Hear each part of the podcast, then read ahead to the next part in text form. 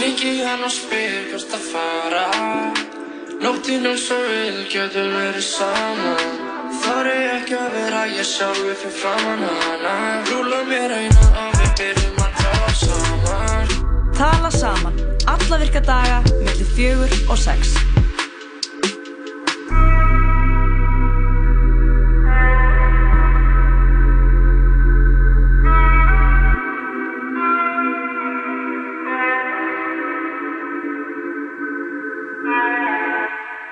Já, það er talað saman hér sem hilsaði kæru hlustandi á þessum uh, hvíta fymtudegi, annar fymtudagur áratugurins og uh, það er mikið, mikið snjórúti, vindur, stormar ganga yfir en við látum það ekki hafa áhuga, að, látum það ekki hafa áhrif á okkur hér í útvarpinu og vonum að þeir séu ekki við teft eða fucked á því hvað sem þið eruð, hvað sem þið eru að gera.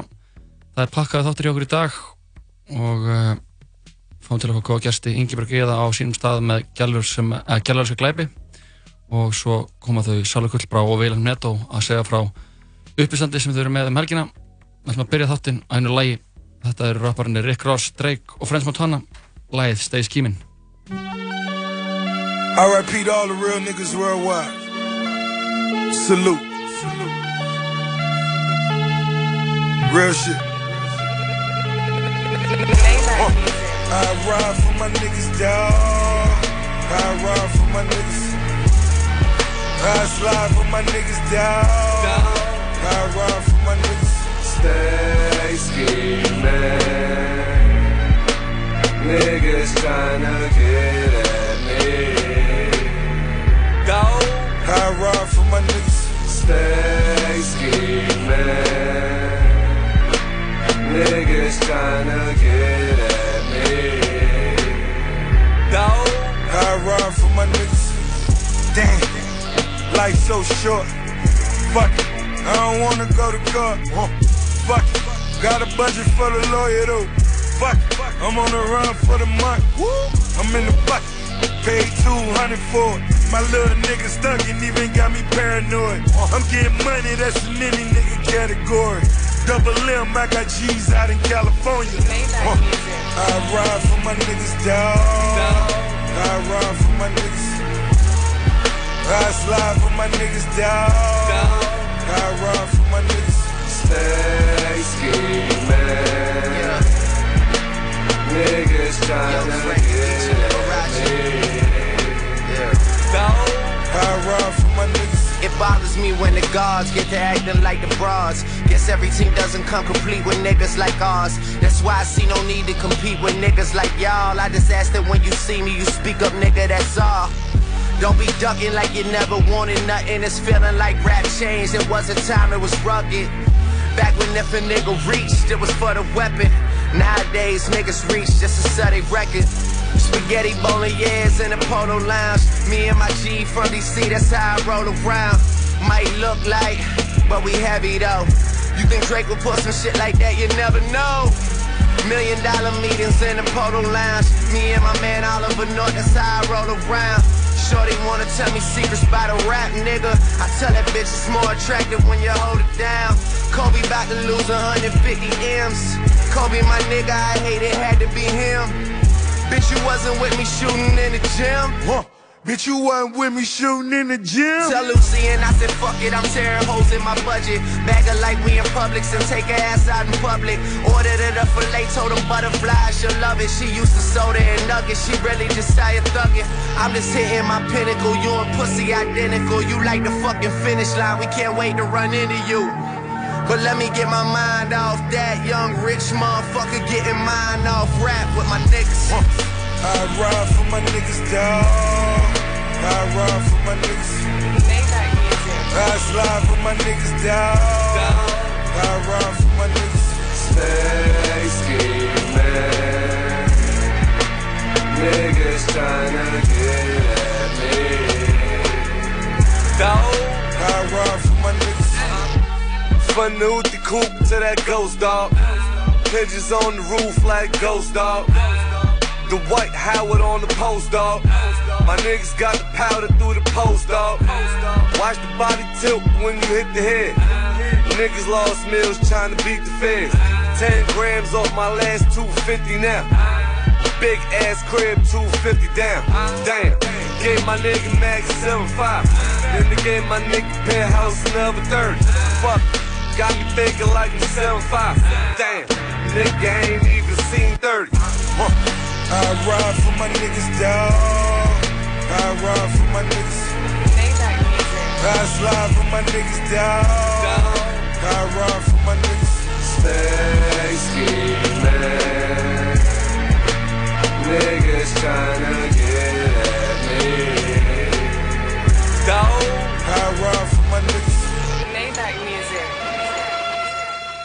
Já, þetta voru félagarnir Frans Montana, Drake og Rick Ross lægið Stay Skimin en uh, Ég er mætt. Lóa er mætt hún var, var veðutaftina fyrir utan hljóðverið Ah, já, ég var föst í skurði. Nei, svona skabl, menna ég. skabli, já Það er svo vond viður að þarna, mér finnst eiginlega bara að allir hefði átt að fá frí í dag.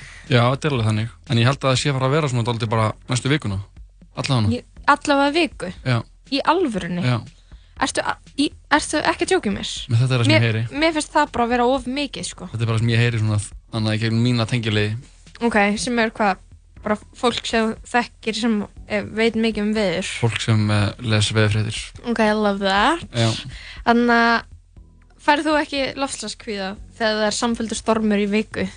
næ, Ekki? Nei. Er það ekki að gera þessa tengingu eða? Nei. Er þessi tenging ímyndun eða? Hún ég, það, ég er ekki að neina tengingu sko. það hefur, þú veist, það er ekki bara eitthvað eldar í Ástralíu, það hefur líka áhrif á veðri hérna í, á Íslandi. Ég meina það er ábyggjala tenging sem hægt er að sem Gera. meikar mjög mikið sens og hægt að gera en ég er ekki að gera hana sko. Ég tók bara, En núna? bara ger, let bara þannig filterinn þannig How dumb are you á Instagram Já, þú veist allir að minna gera. en ég, sem, sem mjög sleðilegt. Já kannski er þessi, þá er, erum við að komast að þessi að tenging sem þú ert að gera er bara Bull. bull. Ég tók hana How Dumb Are You filterinn í gær, ég fekk 93% dumb. Ég var náttúrulega að uh, hlusta á lestina í gær. Mm og Listina á rás eitt eða? Ekki? Já, jú, það var, það var að fjalla um Classic sem, Classic, sem er nýji nýtt hlaðvarpinn á stöðinni. Sem, er, sem er Nanna Kristjáns sér um og hún fer yfir klassiska tónlist fyrir byrjandur Mhm. úslega skemmtilegt, gekk gaman hún sé í lestinni. Já allir óslega ánægða með hennar þátt. Þetta er náttúrulega geggjaði þáttur. Mhm. uh, og ég var eitthvað uh, var að hlusta lestina og ég er eitthvað vá, þau eru svona eins og smart. Jói og Lóa. Þau eru eitthvað Tja, má ekki leiða líkur að því að þetta leggji grundvöllin fyrir svo kallar sjálfsæfi sögulegar uh, bókmentir sem að hafa svo tröllrið öllu síðan að uh, og ég er bara eitthvað er svo smart að þú getur ekki svona reynd að vera einn temmit og það. Þau eru bara, skilur svo svipum aldrei við, stelp og strákur. Sem sjáum listina ég var eitthvað, damn, þetta er gáfað að tala saman en uh, við eigum von og góðum gestum hér hvað úr hverju inn í hljóðverðið uh, koma, nei, á ég að hætta það? Eh, Nei, mér finnst það- það gott challenge að þú reynir að vera gáfulega í hættunum á ég reyna að vera gáfuleg. Já, ég þarf allavega að byrja því að vera skýrmæltari já, skýrmælgni er er, er er gífurlega mikilvæg ef hljóma á gáfulega. Herru, þá Eh. að vera útlita listamannlaun já, ég þekki eitthvað sem ykkur listamannarlegin Ég fekk ekki listamannlaun þú sóttur um, það er leðilt að þú finnst ekki þú varst með góða pælingu. Ég er með geggja pælingu. Hverjir fengu listamannarlegin í ár, hverja þurfum við að drepa? Þeir sem eru uh, Þú veist, Hallgrim Helgason Auður ok, Jónsdóttir ok, like. Guðrún Eva Mínerudóttir ok, bara kanónan, skilur Já, Steinun Sigurðardóttir Mhm. Andri Snær Magnason uh, Þetta eru hluti þau reythöfundar Fengu, þú fengur rithöfundarsjóð Já. Nei, en það ekki, heitir ekki eitthvað þannig? Hildur Jómann fekk 12 mánu í, hana, úr lána, launasjóði hönnuða Já, L- ég var bara ekki að ná að lesa þetta.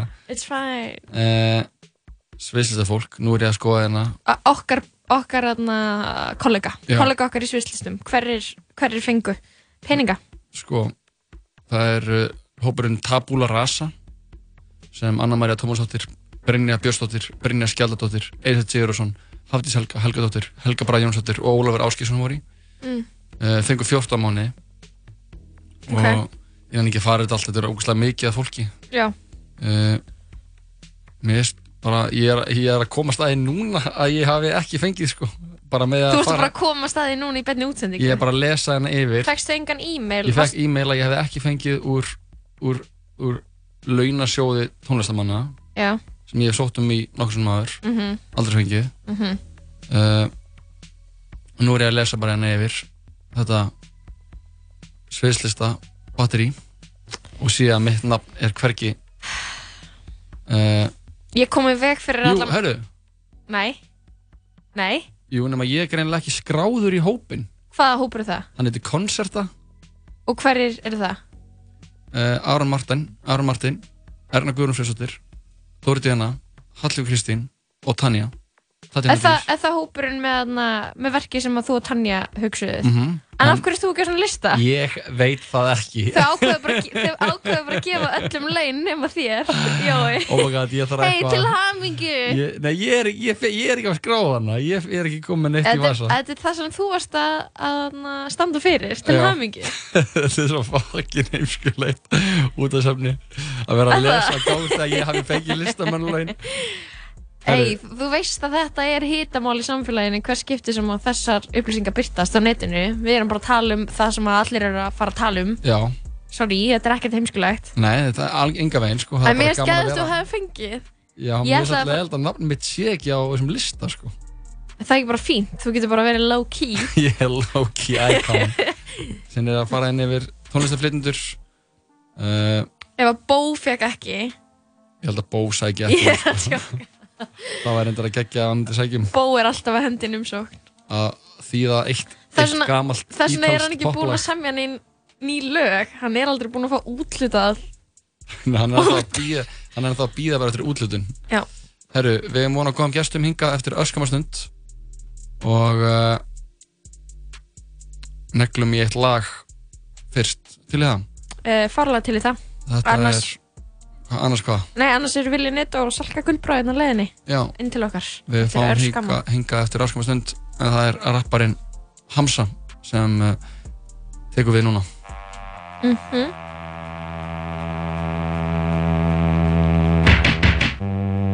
Yeah.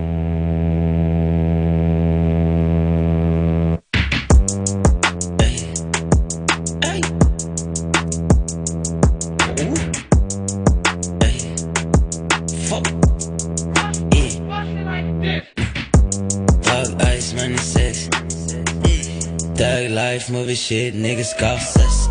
Elle espère avoir mes rex.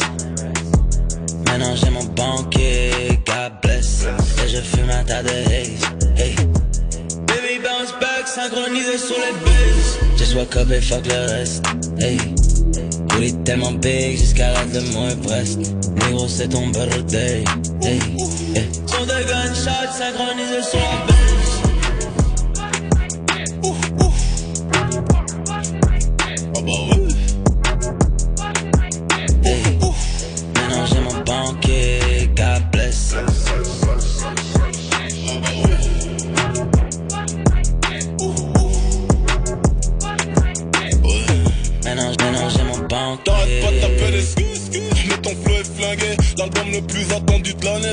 Pas cette année.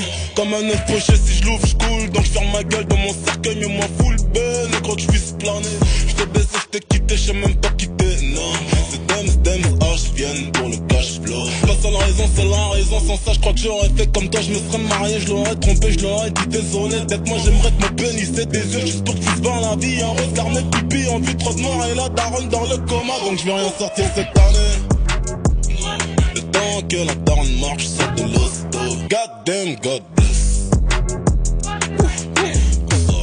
Maintenant j'ai mon banquier, God bless.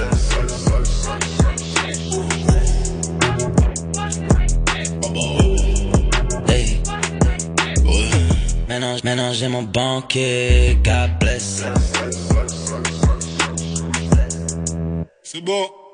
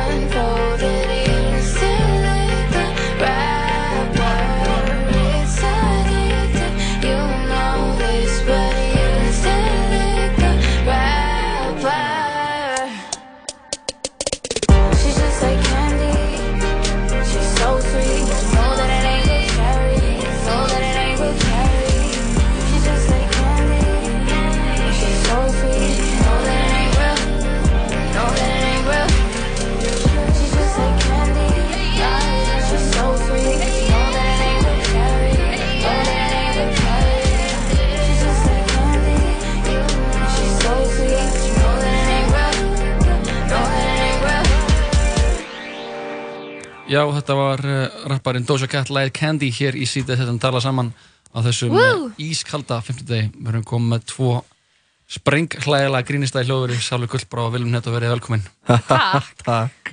Hvað segir gott í dag? Uh, bara frekar slappur sko. En Ógeðslega gott. Ég er- ég fekk líka listamannalaun. Feng, Þegar Jói. Þið feng, fyrst þú listamannalaun, Nafnið Vili? mitt var á Ég fekk- listanum. Var á listanum. I'm on the list. Ég fekk engin laun. Mér finnst að þið ættu að svona, við, alla viðmaldir sem þið fáið bara næstu vikuna þurfa að byrja að segja hvort þið fengið listamannalaun eða ekki. Já, ángríns. Við þurfum kannski að gera það. Ef við Já. hringjum bara í alla, á þessu- hringjum bara á alla, í alla sem er á þessum lista. Já. Hugum minnir samt miklu meiri á þeim sem fengu ekkert. Já. Það er, það er the true artist, sko. Sko, mér finnst Já, sena- Það er miklu verra að vera Þetta það. er, þannig að þetta er alltaf mjög klassísk svona retorík að segja að sönnu listamennir séu þeir sem þurfa ekki að sækja um listamannlaun. Nei, ég er að tala um það sem fengi ekki úthlutað. Já. Ég er kvaldri sjörin sjálf. Sem Ég var ekki að meina það. Já, fólki sem ger ekki nógu góð umsók. En Já, líka... Fólki sem er of, of mikið aðtilsprest getur ekki retta sér konserta Það- og getur ekki skrifa umsóknina. Engin umsók getur verið jafn kaotísk og sem, svo sem ég skilaði inn. Það er bara, það er líkamlega ómögulegt. Hún endaði með að ég fekk ælupest. Mér finnst sko smá, mér finnst sko smá evil að gefa út þessar niðurstöður á þessum degi. Skiljið hvað ég menna? Það er bara, ég, ég náði að koma fram úr um hádegi, skiljið. Það er bara svona, ég er ekki búin að gera neitt í dag. Nei, það er bara lægð aldarinnar og þú veist, þetta er næs fyrir þá fáið sem að fengu eitthvað en fyrir alla hina var þetta bara svona face Já. ofan allt annað bara umlegt veður það er janúar og þú fyrir ekki að fá pening fyrir vinnuna þína áfram Vili, þú varst ekkert að segja neitt um, eða hvað? Ég? Mm. Jú, ég var með í einu verkefni en við fengum ekki. Æ, Það hvernig er var, í var það góð hugmynd? eða? Ha? Eða getur þú sagt það núna að það var ekkert það góð hugmynd? Það var, það var sín fínasta hugmynd sko, Ok. ef hún hefði verið unnið meira sko, en, en ég kann ekkert á svona listamannalauna dót, sko, þannig ég bara, ég held þá bara áfram að gera eitthvað annað. Ok, Það ætti náttúrulega að vera launasjóður grínara. Já, satt. Satt. Það var ekki aðveikt. Uh, launasjóður trúða. Sem hann að... Ég er Rökkvi trúður. Viestins væri alltaf bara að fá 12 mánuði útlita. Þóralli Þóraldsson svona latta, 12 Sá- mánuðir. Og Lalli töframæður. Sáðu bæði hvað verður mikið samfélagsbót? Þessi, trú, trú, trú, þessi trúðar núti myndi vera að fá... Trúða, töframanna og grínistasjóður. Já, já, það. Sáðu Gummi Fel var að beðja um svona sögur, vandræðilega Já. sögur og rökkvi kommenta undir Ég gef mér nú allan mína sögur fyrir mín uppistönd bara, Uppistönd bara að láta podcast. vita sko Vá. Man eitthvað gott. Þetta er harður heimur að núti. Spuna fólki, grínistanir, trúanir, förramennir. Þetta er, það Við er erum að grænda mest, sko. Grænda mest, það er hörð barátta. Við 100%. vitið það til samtök sem heita Trúðar án landamæra sem gera það Nei. sama og læknar án landamæra nema þau mæta og trúðast Jú. á stríðsfjárm svæðum Já, þið ættu eiginlega að fara að hanga. Valdi að fara, vera bara heima þessi núna fyrir fram á speilin bara með slaufuna, trúðan yfir og vera bara að panta næsta flug til Ástralíu Já. Bara grínast fyrir kólabinnina. bara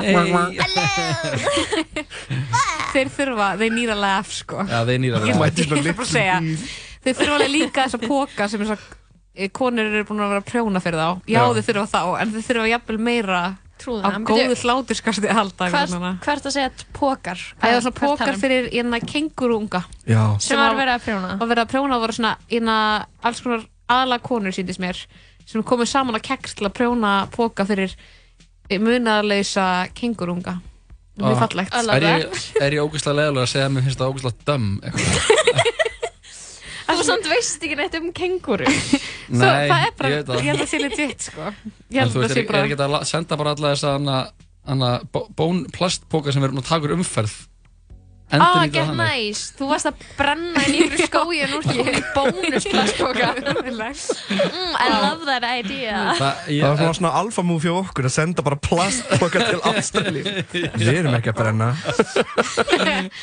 Pælið að væri, þið varu að stríðshrjáðsvæði, þetta er náttúrulega erfitt fyrir okkur að setja, setja okkur í stöðu, en við erum að tala með hérna trúðar á landamæra. Og þá, að þá, þá, að þá kæmi bara, þú veist, þannig að nú er þið er með sýningu, Já, Anna, og það kæmi bara, þið værið á stríðshrjáðsvæði og þá kæmi bara Jakob Birgis og væri bara eitthvað, hei, Anna, eitthvað, vá, ég myndi sko aldrei reyna að auka þjáningu yfir stríð- fólks sem ég held að það stríðsvæði. væri það. Hvað væri, væri byttið eitthvað svona Já, eitthvað, Hvernig eru byttin hans Jakobs? Ég, ég, röp Eða þú veist, að- að kom eitthvað grín um. Guðuna TH endilega, eitthvað endilega allir að koma að löða þetta Jakob Birgisson með okkur í sjói hann Já. verður með svona grín Það er svona no joke, Jakob verður með, sjó, með í sjóinu á, á lögudaginn Ég verða líka, veist maður óþægilegt að ég sé að taka ykkur Já, og ég er á þessum ívent líka En uh, þetta er bara Ísland, það er ekki nógu margir útásmenn ekki nógu margir trúðar heldur sko. það helst oft í hönd sko. Án landamæra sko. án landamæra Hver er okkar besti trúður?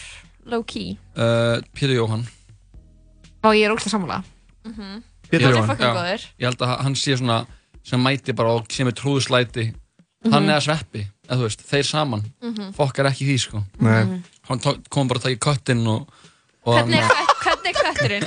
Hvernig er kötturinn? Getur þið tekið kötturinn? nei, ég vil ekki þetta ég, ég, Veistu hvað hann er að tala um? já, hann að Ég- like Af hverju uppsker þetta svona mikið hlátur? Æja, þeim gerða fyrir fram með Will Smith, sko, þá var það svo gott. já, emmitt Það var fullkomið, sko. Af hverju er það svona ógeðslega íslenskt? það er sant, það er bara það, það er svona stærsta trúa múf sem einhver hefur gert það er þegar Pétur Jóhann tók köttin fyrir Will Smith Það er svo ógeðslega gott að fokk í Will Smith Smith. svona viðtali. en hann er líka svona gauðir sem getur tekið öllu þannig að það er bara flott, flott að gera það við hann sko. Já, hann er svo mikil stand-up guy sko. Mm, mhm. og það var ekki að fá Will Smith í viðtal Mhm. Eða láta, Ég- er það draumurinn svona? það er sem í draumurinn sko. Já, emmitt, ég hef ekki pælt í því hver var svona drauma viðmælandi en ég held að Will Smith er ekki eitthvað endilega það sem ég myndi degja fyrir sko. En, en hvað, getið þið sagt mér aðeins, hvað pælingum er þið í fyrir lögadaginn? Hva, Uh, hvað er þetta? Hvað er að fara að gerast? Hvar? Náttúrulega við erum að fara að prófa bara nýja brandara Mhm. hérna í, í Tjarnabjón Mhm. á laugardaginn Við erum sjö, sko, við erum sjö uppistandarar Já. og og hérna hver svona, svona hvað, sjö mínútur Já, þannig 7% og 7 að um, mínútur. talandi sjö greinilega að koma stert á Já, nægin sterkt, já. En þú veist, basically er þetta bara svona algjört variety af því að, þú veist ef þið finnst Jakob Birgis ekki fyndin Eða þið finnst hann fyndin eða en þið ekki finnst hann við fyndin en ekki ég Já Mm. þá getur þið fengið allt, skilur Mhm. þú veist, þannig að basically, já, þannig að við erum allir að prófa nýtt efni þannig að við erum allir eitthvað svona pínu að, að hoppa til djúbulegina, er það ekki? Jú, nefnilega og það, það er svona ein- eins og þú sagðir svona mismunandi grínista stíla sko, sem verður gaman örugglega að sjá líka ef maður þekki bara Jakob Birgis og komið til að sjá hann þá kannski nærður að kynnast öðrum. Nákvæmlega, við erum sko, já, því við erum fyndustu mínar Mhm. þú eru ég, Lóa og Rebecca Mhm. og Vaffa S sem er svo Vili og Stefán Ingvar Og og Hákon. Hákonar og síðan og Jakob Birgis. Yes. við erum að segja Jakob Birgis svona tíu sem sér að koma það er marketingstrategían okkar. Jakob Birgis. Lögadagurinn Tjarnabíó Jakob Birgis. Hann var, hann var náttúrulega í skaupinu að gera grín okkur. Já, hann Já, en niðurlæði hérna stöðuna. Já, en það eftir að, na, að hefna mín fyrir það. Já, Eh. þú getur gert það kannski lögða þú getur kannski eðilagt fyrir honum. Þannig á sviði. Hvernig myndi maður gera það? Hann væri kannski með bitið sitt draga niður um hann. Hann væri með bitið sitt og ég væri fyrir aftan hann svona að fokka. Já. Farin, Nei, ég er að tjóka En er þið komið með brandara? Ég er ekki komið með neina ég kom með brandara. Já, ég er komið með. Mhm. eða svona tvær sögur. Mér finnst alveg gaman að vera með eitthvað svona Núna er ég pín, ég er aðeins með eitthvað svona sem, að, eitthvað sem var að gerast Eitthvað nýtt. Eitthvað nýtt, þú veist. Að, Því stundum er maður eitthvað svona Já, stundum er maður eitthvað Já, þetta uppstand er eftir mánuð og þú veist Það er ekkert alltaf að fara að virka sem ég er eitthvað að hugsa núna Einmitt. En svona næs að hafa smá pressu og vera eitthvað Já, ég ætla bara svona bara að taka eitthvað sem er að gerast bara í dag af því ég myndi ekki segja að vera svona eins og Jón Valur Jansson var að deyja og okkur þannig Uh, já, ég var að segja eitthvað Það er að grína eitthvað sem var að deyja. Takk, já, takk fyrir að spóila gríninu og allt grínið mitt er um í rauninni Minnst dánarfregnir sem við getum gert fólki sem er látið eða, er að setja smá virðingu á þeirra nafn sko. Það er kannski ómikið til að allast af þér, Lóa. Já. Eila. Vá. Sorry. En er, er eitthvað svona dót sem er svona í, í gangi núna sem þið eru anna, þið, sæ, þið sjáu svona eitthvað grín potential í, eða þú veist eitthvað svona sem bara er í fréttum í dag eða gæri eða eitthvað. Já, það er náttúrulega bara eitthvað janúar og skamdegistunglindi og svona og þú veist, það er allir eitthvað í núvitundund og það er bara búið að skipta út þú veist, morgunleikfeminni á rúf fyrir hugleislu það Mhm. segir allt um hvað er að gerast í samfélagi, ég vil ekki, ekki spoila bröndurum en ég er með eitthvað svona það er svo erfitt, þegar maður er út á svið sem grínist og fólk er eitthvað svona, ok, hvað ætlar að segja sem ég fyndi og maður er eitthvað, segja það og það hlægir enginn. Og líka bara eitthvað svona já, Já, ég- segi það núna. Þau vil ekki koma? Við erum alltaf, erum ekki með laugh track. Eða skilur það verður svolítið gott ekki? fyrir okkur að vera með það í útvarpinu hérna. Það væri geggjað. Já, það væri kannski geggjað sko er það ekki með einhverja soundeffekta? uh, Nei, við ættum sem ég að vera svona eins og í þannig að Parks and Recreation The. Þeir já, það var ekki að þau so horny. Higher and the douche þau eru þið ekki með það á, á K100 vilji, er það ekki? Þeir eru með svona bjöllu sem er dingla stundum upp úr þurru. Er það? Ding, ding, ding Bara maður segir eitthvað og svo bara ding. Ding með bjöllunni sko. Það er alltaf gott. Þetta er smá tip bara til ykkar, bara free tip. Já, free tips Svona bjöllu, einhverja óþægilega bjöllu Þannig að þegar eitthvað fyndi gerist þá getið þið ítt á hana Ertu að leita Lazy Ira and the Douche hljóðin? Nei, En þannig að eru þið peppuð að Já. Er hann þá til miðar? Hvar fann maður miða? Ég Meðanir eru að renna út ansið rætt Þannig að ég myndi segja að þeir sem ætla að koma ætti að tjekka á tix.is bara Já. Nýtt ár, nýtt fyrr grín en setna Sýningin sko. heiti það, nýtt ár, nýtt grín Af því að síðast þegar við tjekkum var allavega bara meir hluti með hana farin. Yes. Ok, I love that for us. En það ekki? Mhm. Þannig að þú veist, ég held að þetta sé eitthvað að fólk sé eitthvað þyrsti að hlæja í þessum D-vitamin skorti sem það er í sko. Nákvæmlega. Og bara Það væri geggjað að það væri Er þú stressaði vel D-vitamin Ég er stressaður sko. Ég er alltaf stressaður fyrir nýja brandara. Ég er svona ég, uh, Þegar ég geti fyrst uppistand með ykkur. Mhm. Þá kom einhver að mér er eitthvað.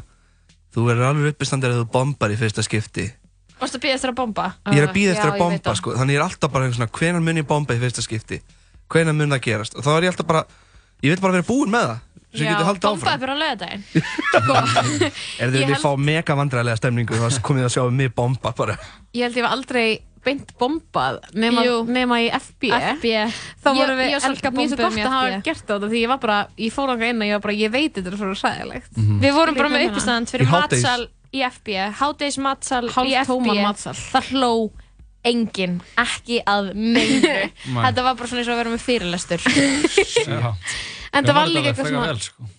Já, þetta Er ándjós, Það var ándjós skemmtilegast að gigi mitt Já. Að bomba í FB Það var ógst gaman Það var stemmari, sko Ég var eitthvað svona, ég var eitthvað segja ykkur að brandara. Og ykkur gerir svona slow clap. Og ég var eitthvað, ok, I peaked.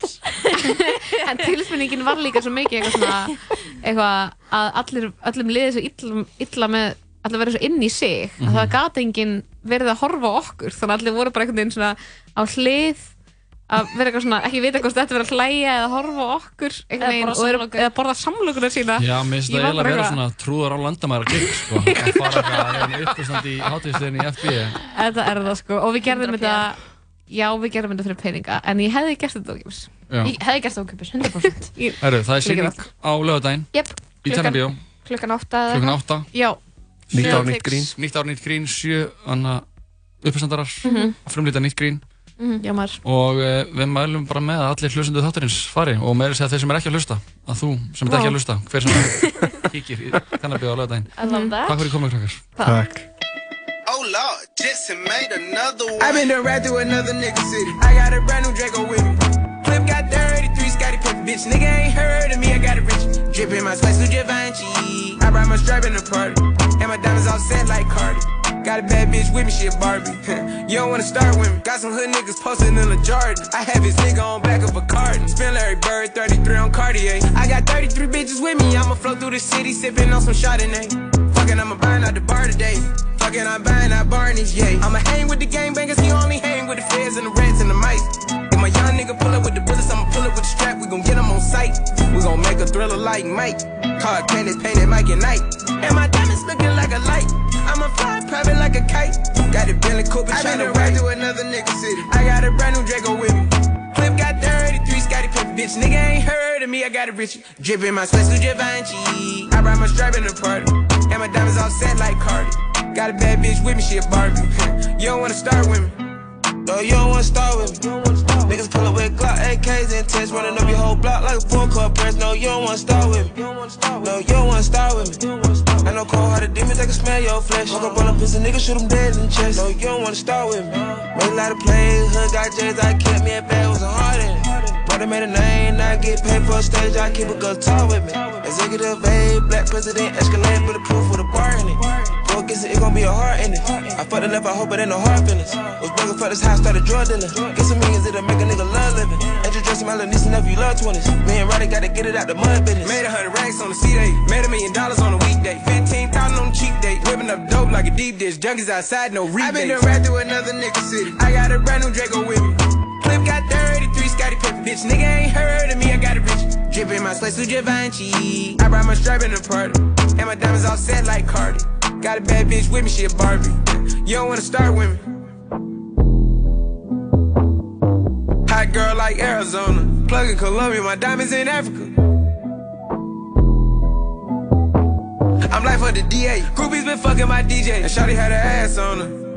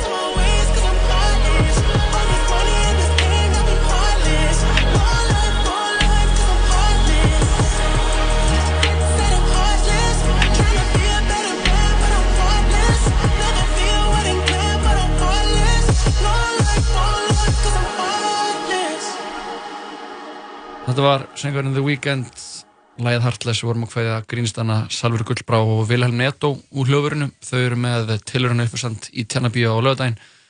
Ásamt mér. Já, ásamt Lóu, gaman að segja frá því. Við erum alveg, le, le, ég leiði mér alveg, þetta er, veist, þetta er smá svona incest eða eitthvað, incest vibes. Já. Að vera að taka viðtal við eitthvað sem er í síningu sem að þú veist, ég er í líka. Mm Smá, Er það ekki? smá ógislegt. Ég var bara að fá svona ótrúlega stærsta tilfinninguna bara vá hvað Ísland er lítið. Þú varst að fara yfir umsóknir til listamannulegna og eitthvað að komast að því að þú hefur hlotið listamannulegin Já. og svo var ég að taka viðtal við eitthvað sem er í hóp með mér að fara að vera með síningu. Ég veit ég er alveg hvort það sýnir hvað Ísland lí, lítið frekar bara hvað við erum eitthvað. Anna, Skrítin. já, ég held að það sé aðalega það, ok. sko. Ég held að það hafa eitthvað með En held- landsins að gera, sko. Heldur að tala saman anna fanbaseið fyrirgefa okkur þetta eða? Ég held að flestir sem elskana þátt eigi sískinni sem er líka makið þeirra. Held- Þannig að þau skilja okkur bara, Það er veist, svo í þessu, anna, í þessari svona búblu sem við erum lifum hérna. En við setjum verðingu á nöfn ykkar allra sem eru að hlusta þáttinn. Elskum ykkur. Eftir öskamastund kemur Ingeborg Gíða með gælur sem elskar glæpi. Ég var hins vegar að hlusta á tveggja tíma, tveggja tíma langt viðtal við Drake á hann og finn mig knúinn til að spila Meira dreik. Já, þetta er eitt svona einn classic, svona Mhm. cult classic fór ekki á neina plötu fyrir en bara núna á Care Package sem kom plata sem 17 lög sem höfðu öll komið einhvern veginn út á YouTube eða SoundCloud en aldrei komið út á plötu Akkurat. og uh, þetta er lagið 5am in Toronto It's on some old Tommy Compost Dice Raw shit, you know? For my niggas though. You underestimated greatly. Most number ones ever. How long did it really take me? The part I love most is they need me more than they hate me, so they never take shots. I got everybody on safety. I can load every gun with bullets that fire backwards. Probably wouldn't lose a single rapper. Niggas make threats, can't hear hear 'em over the laughter. Yeah, that's cause I'm headed to the bank, nigga. Sinatra lifestyle, I'm just being frank with ya. I mean, where you think she at when she ain't with ya? Wildin', doing shit that's way out of your budget. Out sweaters inside her luggage, you gotta love it. Damn. This shit could go on a tape. Bitches loving my drive, I never give it a break. Get these niggas the look, the verse, and even the hook. That's why every song sound like Drake featuring Drake. Straight, white free, why is it always me? Got us watching our words like it's wide taps on a team. Cause I show love, never get the same out of niggas. Guess it's funny how money can make change out of niggas for real. So nobody started feeling themselves. A couple somebody started killing themselves. A couple albums dropped, those are still on the shelf. I bet them shits would've popped if I was willing to help. I got a gold trophy from the committee for validation. Bad press during the summer over allegations. I ain't lying, my nigga, my time is money. That's why I ain't got the time for a nigga whose time is coming.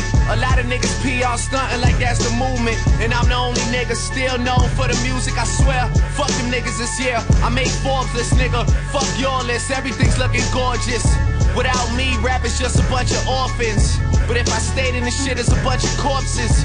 And me and my dread nigga from New Orleans, stashing money like hoarders off multi-platinum recordings. Eating like I'm seated at Swiss Soto and Yosos. Nothing was the same. This shit for Easy and Coco. This shit for Kareem. This shit for Javon. This shit for Julius Millie Mill. Boy, we do this shit for real. All them boys in my wheel. All them boys is my wheels. Anything happen to pop, then I got you like Uncle Phil. Weezy been on the edge. You niggas just need to chill. If anything happen to pop, he might pop a nigga for real. Coming live from the screw face. Living out a suitcase. But I'm feeling good. Johnny got me pushing two plates. My weight up, I refuse to wait up. I started a new race. It's funny when you think a nigga blew up after Lupe.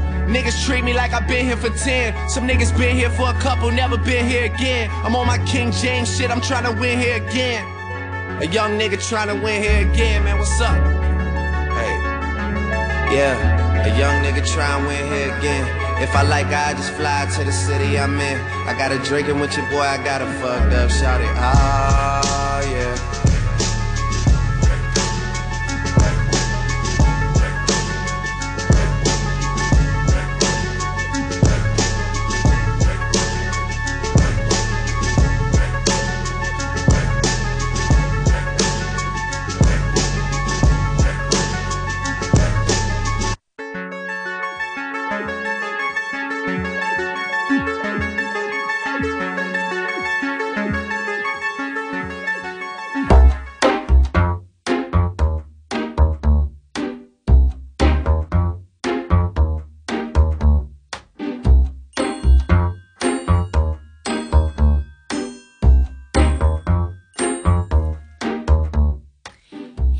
Sæl og verið velkomin í Gellur elska glæpi, Ingibjörg eða hér eins vanalega og hjá mér sitja Jóhann Kristoffer og Lóa Björg.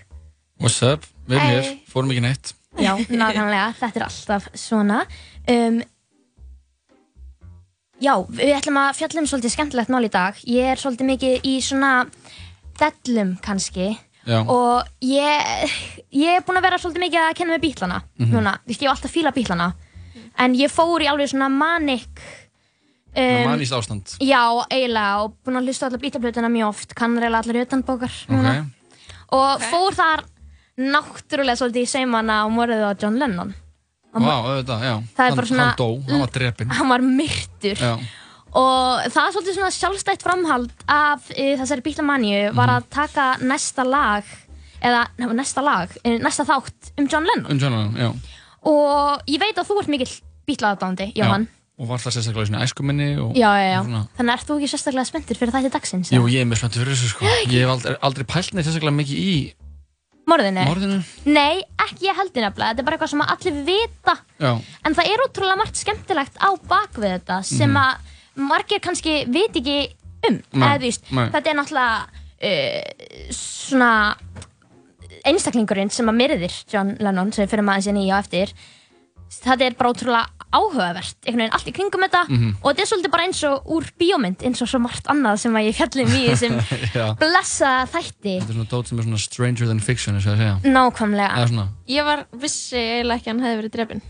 John Lennon Nei, eða þú veist, ég var bara munað aftur núna. Það, já, jú, hann var, hann var drepinn sko Hann var skotinn. Það er hann og JFK sem eru svona frægustu Er það ekki? Frægustu svona morð Og Já. Abraham Lincoln.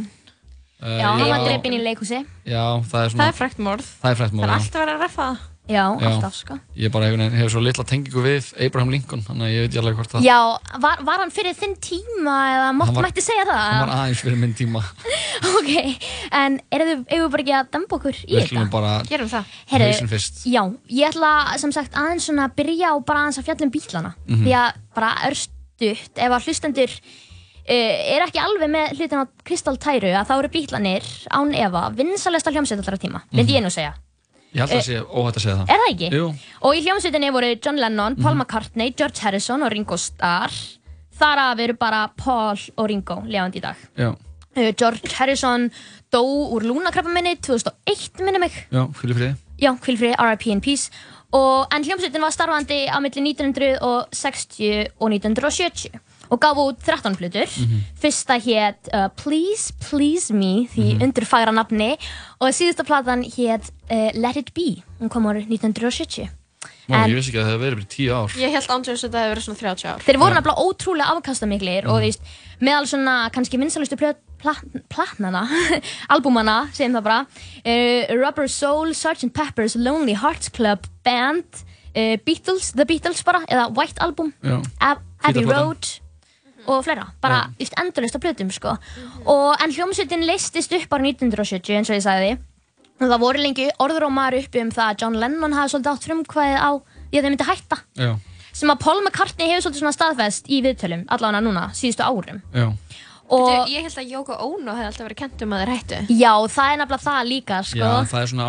Það er eitthvað svona karlrembu narrative. Nei, eitthvað að ég held- gellan break the band up. Ég held að... Við ekki hvað er að tala um? Ég held að það, ég held að það sé alveg eitthvað til í sko. ég sko, Ég held að hennar áhrif á Paul McCartney, eða þú veist... John hver- Lennon? Já, á, að þau tvö, þú veist, ég held að hefðu hún, þau hefðu þau ekki byrjað saman, hver veit að hvað það gerst? En það er svona svolítið svona, stopp, Já. það er svona, svolítið svona skrítið að pinna eitthvað svona á eina konu. sko Veit ég hvað er við? Að að þetta verið gaur hefði ég líka pinnaði á hann. já, Það? ég skil, ég skil sjónarhorn eitthvað begja ég er ekki búin að uh, ég er ekki búin að kafa ofan í þetta en ég er búin að lesa svona aðeins og þú veist, hann hjælt fram hjá fyrstu konu sinni með Yoko Ono þú veist, þannig að þú veist, ef að, ef að Yoko hefði breytt honum strax einhvern veginn, að kannski, að ég veit það ekki mér finnst það svona, ég held að hafi meira verið bara ég held að John hefði breyst sama hvað Mhm. einhvern veginn, því að John Lennon sko, hann er alltaf ídolíseraður í fjölmiðlum í rauninni, Mhm. þú veist, og hefur alltaf verið en svo þegar maður fyrir að lesa eitthvað aðeins meira um John Lennon að þá þú veist, var hann líka ekkit fullkominn gæi, langt í hann frá var dick. hann var, hann var dick eins og sér að Bussi sagði Mhm. uh, hann barði konur til að mynda Og börnin sín. Bor, sögur um að hann hefði barðið börnin sín það er ekkit svona Ekki ja, staðfest. hann hefur talað ofinbarlega um það að hafa barðið Cynthia konunu sína Mhm. og líka held ég Jóko í læginu hana, Getting Better Sergeant af Já, Sergeant já. Uh, Pepper's Lonely Hearts Club Band og já, en við skulum ekkert vera of mikið í þessu því að Nei. við erum með nóg að fara yfir Við erum með- við erum með morð þennan dagskrá. Já, en allir meðlumir hljómsveitarinnar áttu mjög farsæla ferla, farsæla ferla eftir að þeir splittuðu upp Mhm. bandið og voru allir að gefa út plötur þar að meðal John Lennon hann gaf út fjölmarga plötur sem á árunum sem fylgdu en hann tók sér svo fimm ára pásu þegar hann og Jóko eignuðist Sean en kom svona aftur inn í sviðsljósið árið 1980 þegar hann gaf út plötuna Double Fantasy með Jóko Ono Mm, já, einmitt, þau voru, þau voru að gefa tónlist saman líka. Já, já, og þau fara svona að vinna, það var eitthvað svona Jóko Ono, ég man ekki hvað heitir, Jóko Plastic Band eða eitthvað svona Mm. En nú skulum við víkja að öðrum manni. Mark David Chapman, ég sendi ykkur mynd á honum á Slack, það er fyrsta myndin, er fættuðan 10. mæ 1955 í Texas en hann flytti síðar til Georgíu. Hann segist hafa átt svona frekar erfiða æsku sem að innkendist af slæmum föður sem að beitt hann ítrekkað ofbeldi og þeir sem hafa hlustað að gælur þessu glæpi vita að allar góðar sögur byrja á ofbeldisfullri æsku. Mhm. Það liggur alltaf allt upp á við hjá Mhm. þessum greið fórnalömpum en na, hann sem sagt fer að vinna sem kennari í YMCA sumarbúðum og var alltaf rosalega hrifin af börnum hann með svona hugmyndir um að börn væri ótrúlega tær og fullornir væri mengaðir eða svona óhreinir. Og hann svona sá allt því, svolítið já alveg, ég nefnilega var að hlusta á útarpið mitt í þar sem þeir voru að, þú veist að tala um þetta að veist, börn er ekki búin að fá þetta slam á sig að því þið skipti yngur máli eða Mhm, fattu þið hvað ég mhm. meina? En hann svona var meira svona fókus á þetta sakleysi eða þannig. Já, hann var bara creepy með það. Já, og hann svona svolítið sér heiminn í gegnum svona slæðu að þannig, eins og veist slæðu sakleysisins, fattu þið hvað ég meina? Já, Þú veist, hann sér þetta ekki raugrétt og hann var alltaf með börnunum í liði, þú veist, og einhvern veginn bara allir fullornir voru slæmir, eða Já. þannig. Og hann gerðist kristinn þegar hann var 16 ára. Ok. Og þetta er mjög mikilvægt að hafa baku eirað fyrir framhaldssögunar. Uh, en það lék ekki allt í lindi hjá Grey Mike. Hann hætti í háskóla eftir eina önn og hann var mjög þunglindur og hann sagði að það væri svona margir litli kallar í kollinum á sér, eða í hausnum á sér. ok. Og hann er svona, það eru svona litlu kallarnir og stóri kallin. Og stóri kallin er góður, en litlu kallanir voru stundum svona að segja nú hvað hann ætti að gera og, og voru eitthvað Mm. svona, og hann sagði í æsku að þá hefði verið svona inn í veggjónum og eitthvað. Er Svona- bara... Er þetta ekki eitthvað svona geðröskun? Jú, þetta er Er klárlega. schizophrenia eða eitthvað þannig? Já, mögulega. Svona multiple, multiple personality disorder. Aha. Ég veit það ekki. Já, Ég- það gæti verið, sko, Margir hann fekk allavega ekki neina greiningu í æsku og nei- nokkurs konar geðsjúkdómi, þannig að við verðum bara uh, treysta því að það hafi verið. Já, getgátur. Uh, hann, þetta svona, svolítið bara vindur upp á sig og hann verður bara þunglindar og þunglindari og ákveður svo, hann ætla bara að fara til Hawaii, eigða öllum peningunum sínum í ykkurum spila, spilavítum og fá væntiskonur upp á herbyggið sitt og bara lifa lífinu. Þar ætla að peningarnir voru búnir og þá ætla hann að með sjálfsvík Mhm. og reynir svo að gera það með því að kæfa sig með kolmónoxíði Ok. í bílnum sínum Ok. og kolmónoxíð er eitru gastegund sem myndast þegar kólefni brennur í of litlu súrefni og hann sem sagt gerðist það þannig að hann þýst laði bara bílnum og setti ykkur svona slöngu Já, í pústrarið Þetta er, þetta er svona classic sjálfsmorð í bíómyndum. Já. Já, Það sér oft svona degin í bílskur. Já, og þetta, þetta, luk, þetta lukkaðist ekki og það er svona, ég hef heyrt tvær sögur aftur af hverju það gerðist þannig, að þetta lukkaðist ekki. Í fyrsta lagi þá segja, segja sumir að því að einhver ferðalangur hafi séð hann og bankað á gluggan og því strifað hann úr bílnum Mhm. og svo segja einhverju líka að því að slangan hafi bráðnað í púströrinu því að púströrinu hafi verið á. Ah, einmitt, einmitt. Þannig að ég veit ekki alveg hvað ég má að trúa en hann var allan lærun að geðspítala og hann segir að þetta hafi verið svona guð að fullvisa hann um að hann ætti eitthvað tilgang og hann svona fyrir að hefja lífið upp á nýtt á Hawaii og tókaði sér svona mörg verkefni hér og þar til að reyna að stýtt sér stundir hann fór til dæmis í sex vikna ferðalag um heiminn þar sem hann svona stoppaði viðsvegar um og við undirbúning ferðarinnar kynntist hann konu sem hann giftist árið 1979 og Sex, sex vikna? Hvað segir Var hann í sex vikur að Já, ferðast? já, já. já, já. Ok, Þetta er bara, svona- fljótur að... Já, hann, ætla- þetta var eitthvað svona þarna, þetta var innblásið af hana Around the World in f- f- hvað var það aftur í mörg dagar? 80 days. 80 80 days, já 40, Hann- 40 days. Ég man það ekki, hann var 80 allan days. innblásinn af þessari bíómynd, eða ekki, er þetta ekki bíómynd? Já, jú, Jú, og þetta er bók. bíómynd. Jú, Og bók, ha, bæði. skiptir ekki máli En hann kynni samsagt konu við undirbúning ferðarinnar Aha. japanskri eh, ferða, hún er svona ferðafsérfræð, eða svona, vinnur á ferðaskrifstofu Mhm. Ok. hún heitir Gloria Abe Ok. og hann, sit, hann samt lætur þetta ekki næja og hann tekur fyrir sér svona annað öfgafullt verkefni og ætlar að lesa allar bækurnar á bókasafni í nákvæminu á Hawaii og þar komst hann aftur í kynni við bók sem hann hafði eitt sinn lesið í æsku og vinur hans hafði svona mælt með við hann þegar hann var ungur Já. sem heitir Catcher in the Rye eftir J.D. Salinger Já, nákvæmlega. Þekkið þið á þá bók? Já, já, já. Mhm. Bjargvætturinn í... Bjargvætturinn í grasinu? Grasinu, jú. Jú, jú, Ég lesið hana. Hefur þú lesið hana? Ég, ég hef ekki lesið hana en ég ætla svona að gera mitt, mitt besta til að útskýra svona í stuttumáli um hvað hann fjallar. Legendary bók. L uh, já, uh, hún fjallar um Holden Caulfield sem reynir svona eins og hann getur að mynda tengslu annað fólk en ekkert gengur. Og hann er mjög svona dómharður á annað fólk og notar orðið phony sem er bara að vera falskur eða lottari óspart á þá sem hann finnst það eiga við í rauninni Og allir phonies. Já, allir eru bara phonies og sakleysið hans er svolítið eins og eitthvað svona, svona móða sem hann sér heiminn í gegnum svolítið Mhm. eins og maður. Mark Chapman, nákvæmlega og hann sér samfélagi með öðrum augum en flestir og Holden Caulfield átti ekki sérstaklega að vera hann einn fyrirmynd fyrir fólk þegar að Salinger skrifa bókina en hann hefur samt skapað sér ákveðið sess sem svona fyrirmynd fyrir einstaklinga í hans sporum Mhm. sem er kannski ekki endilega gott Svona týndur ungum maður. Já, og þessi bók hafði ótrúlega mikil áhrif á Mark og Mark vildi dreifa bóðskapnum bara sem víðast því að Mhm.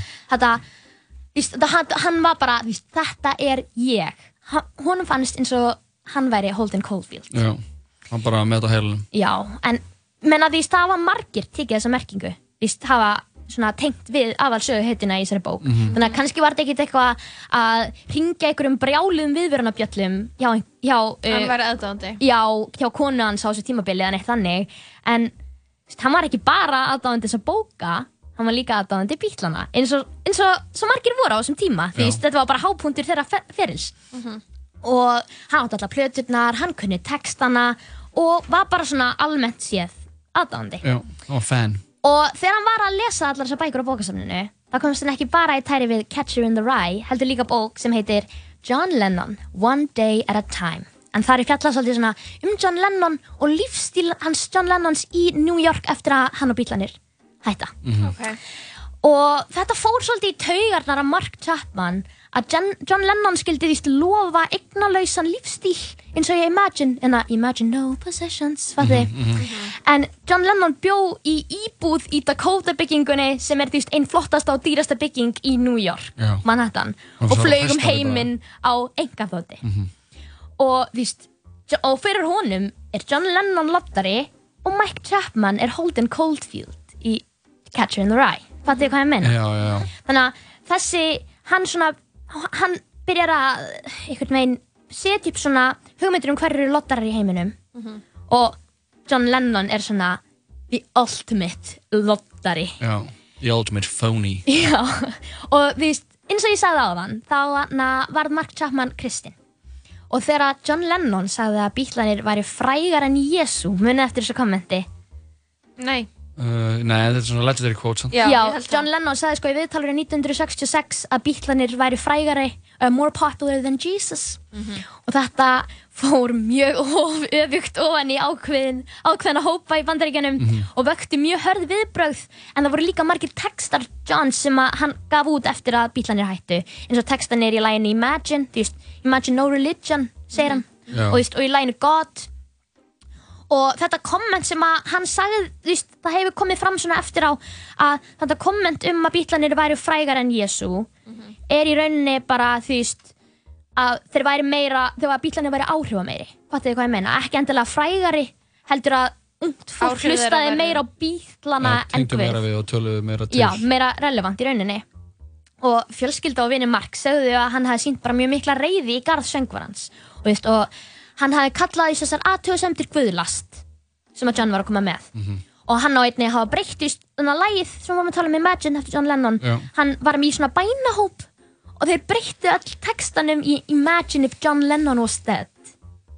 Og hvað er skrítið? Já, þetta er svona frekar ógeðslegt. Og, veist, og það voru líka svona það, gekk, það gengur enn þann dag í dag uppi orðrómur um að þegar konan hans Gloria var í vinnunni að hann hafi svona sest niður allsbyr í stofunni fyrir framann tvo hátalara spilað bítlamúsík og svona reynda uh, byggja Satan um að gefa sér styrkin til að myrða John Lennon Vá, what? sem er, minnst það alveg svona skrítin orð, orðrómur Já, hann er- sumir, sumir segja þetta sé ekki einu svona orðrómur en þú veist, að þú ert kristinn, af hverju ertu þá að kalla til Satans eða þú Já, veist, já.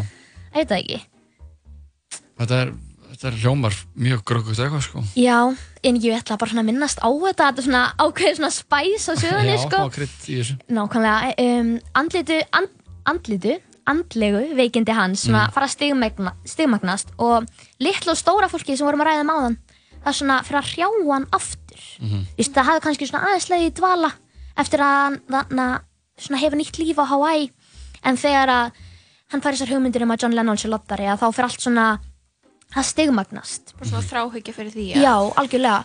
Og í brefi sem hann skrifaði vinkonu sinni í september 1980 segir hann orðirætt bara ég er að missa vitið og Ok. undirrita Catcher in the Rye. Ok.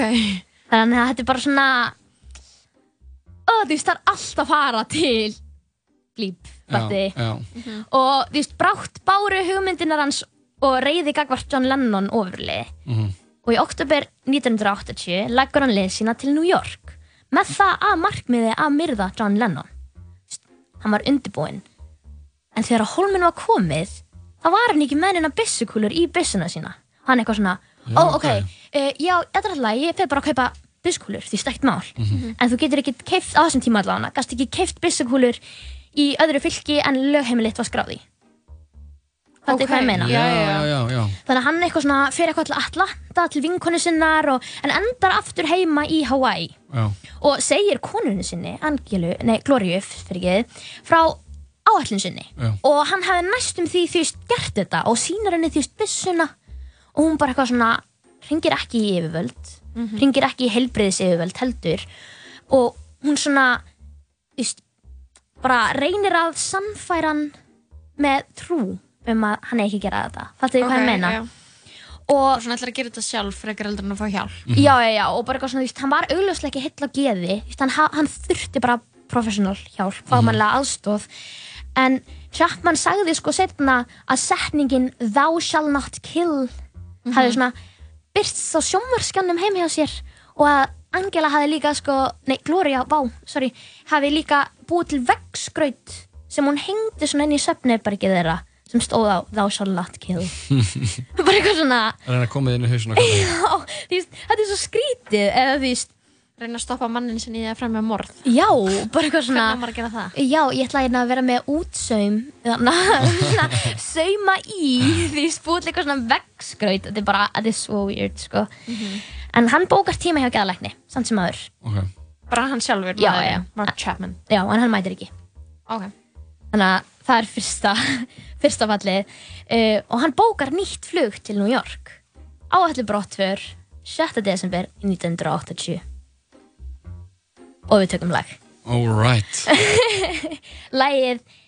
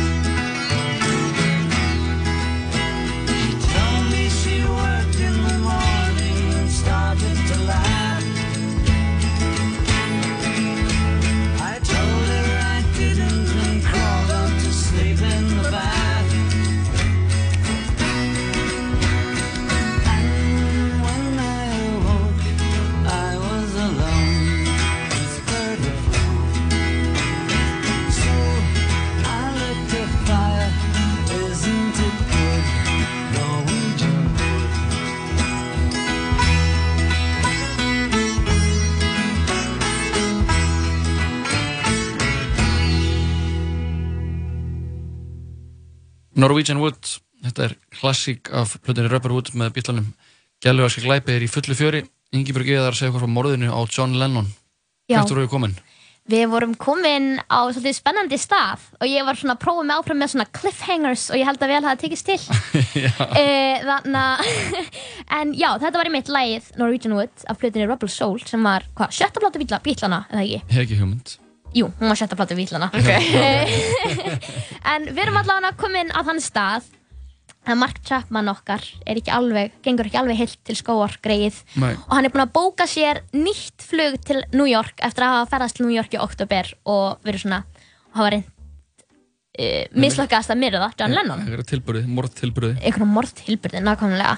Og þann 7. desember fer hann frá Hawaii til New York Mhm. árið 1980 og nú ætlum við bara svona að fara yfir dag fyrir dag, hvað gerist Alright, alright 7. desember Mark Chapman hittir söngvaran James Taylor við ne neðan lestarstöð og James lýsir atvikinu svona orður rétt í viðtali Maðurinn var nokkurn veginn búinn að skorða mig upp í vegg og hann glitraði af manískum svita og fyrir að bladra eins og geðvikum maður um hvað hann ætlaði að gera og hlutina sem hann, sem að hann var að gera sem John myndi hafa áhuga á og hann ætlaði að komast í samband við John Lennon. Eitthvað svona, Já. víst, bara eitthvað alveg út úr kú, fattiði. Hann var ekki þessi setning meikaði ekki sen- þess að hann var ekki að tjá sig á góðan hátt. hann var í rugglinu og hann á svo að hafa farið búið leigubílstjóri upp á kókain áður en hann fór upp á hótelherbyggi sitt þar sem hann ringir í eiginkonunu sína. Og, veist, og þeir ákveða svona í sammenningu að hann ætla að fara svona hlúa betur á andlegu hliðinni. Og það hefst náttúrulega á sambandi hans við Guð. Mhm. Ok. þannig að það var svona þeirra game plan. Uh, sjáum hvernig það gengur. Uh, 8. desember um morgunin leggur John Chapman af, John Chapman. Mark Chapman. Mark, Chapman af stað af hótelinu sínu en skilur eftir svona persónlega uh, muni í hótelherbygginu sínu sem myndir svona auðvelda lögreglumönnum að Komast að því hver hann var. nákvæmlega Var hann að Fyrir að tek- kennsla tekka hann. þessi út eða?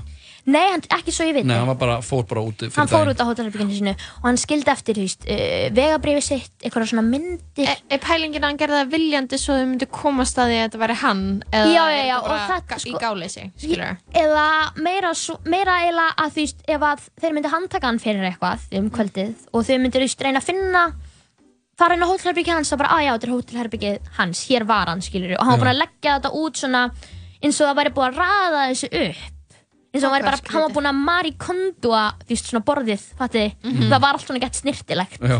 þannig að mjög, mjög einkennilegt.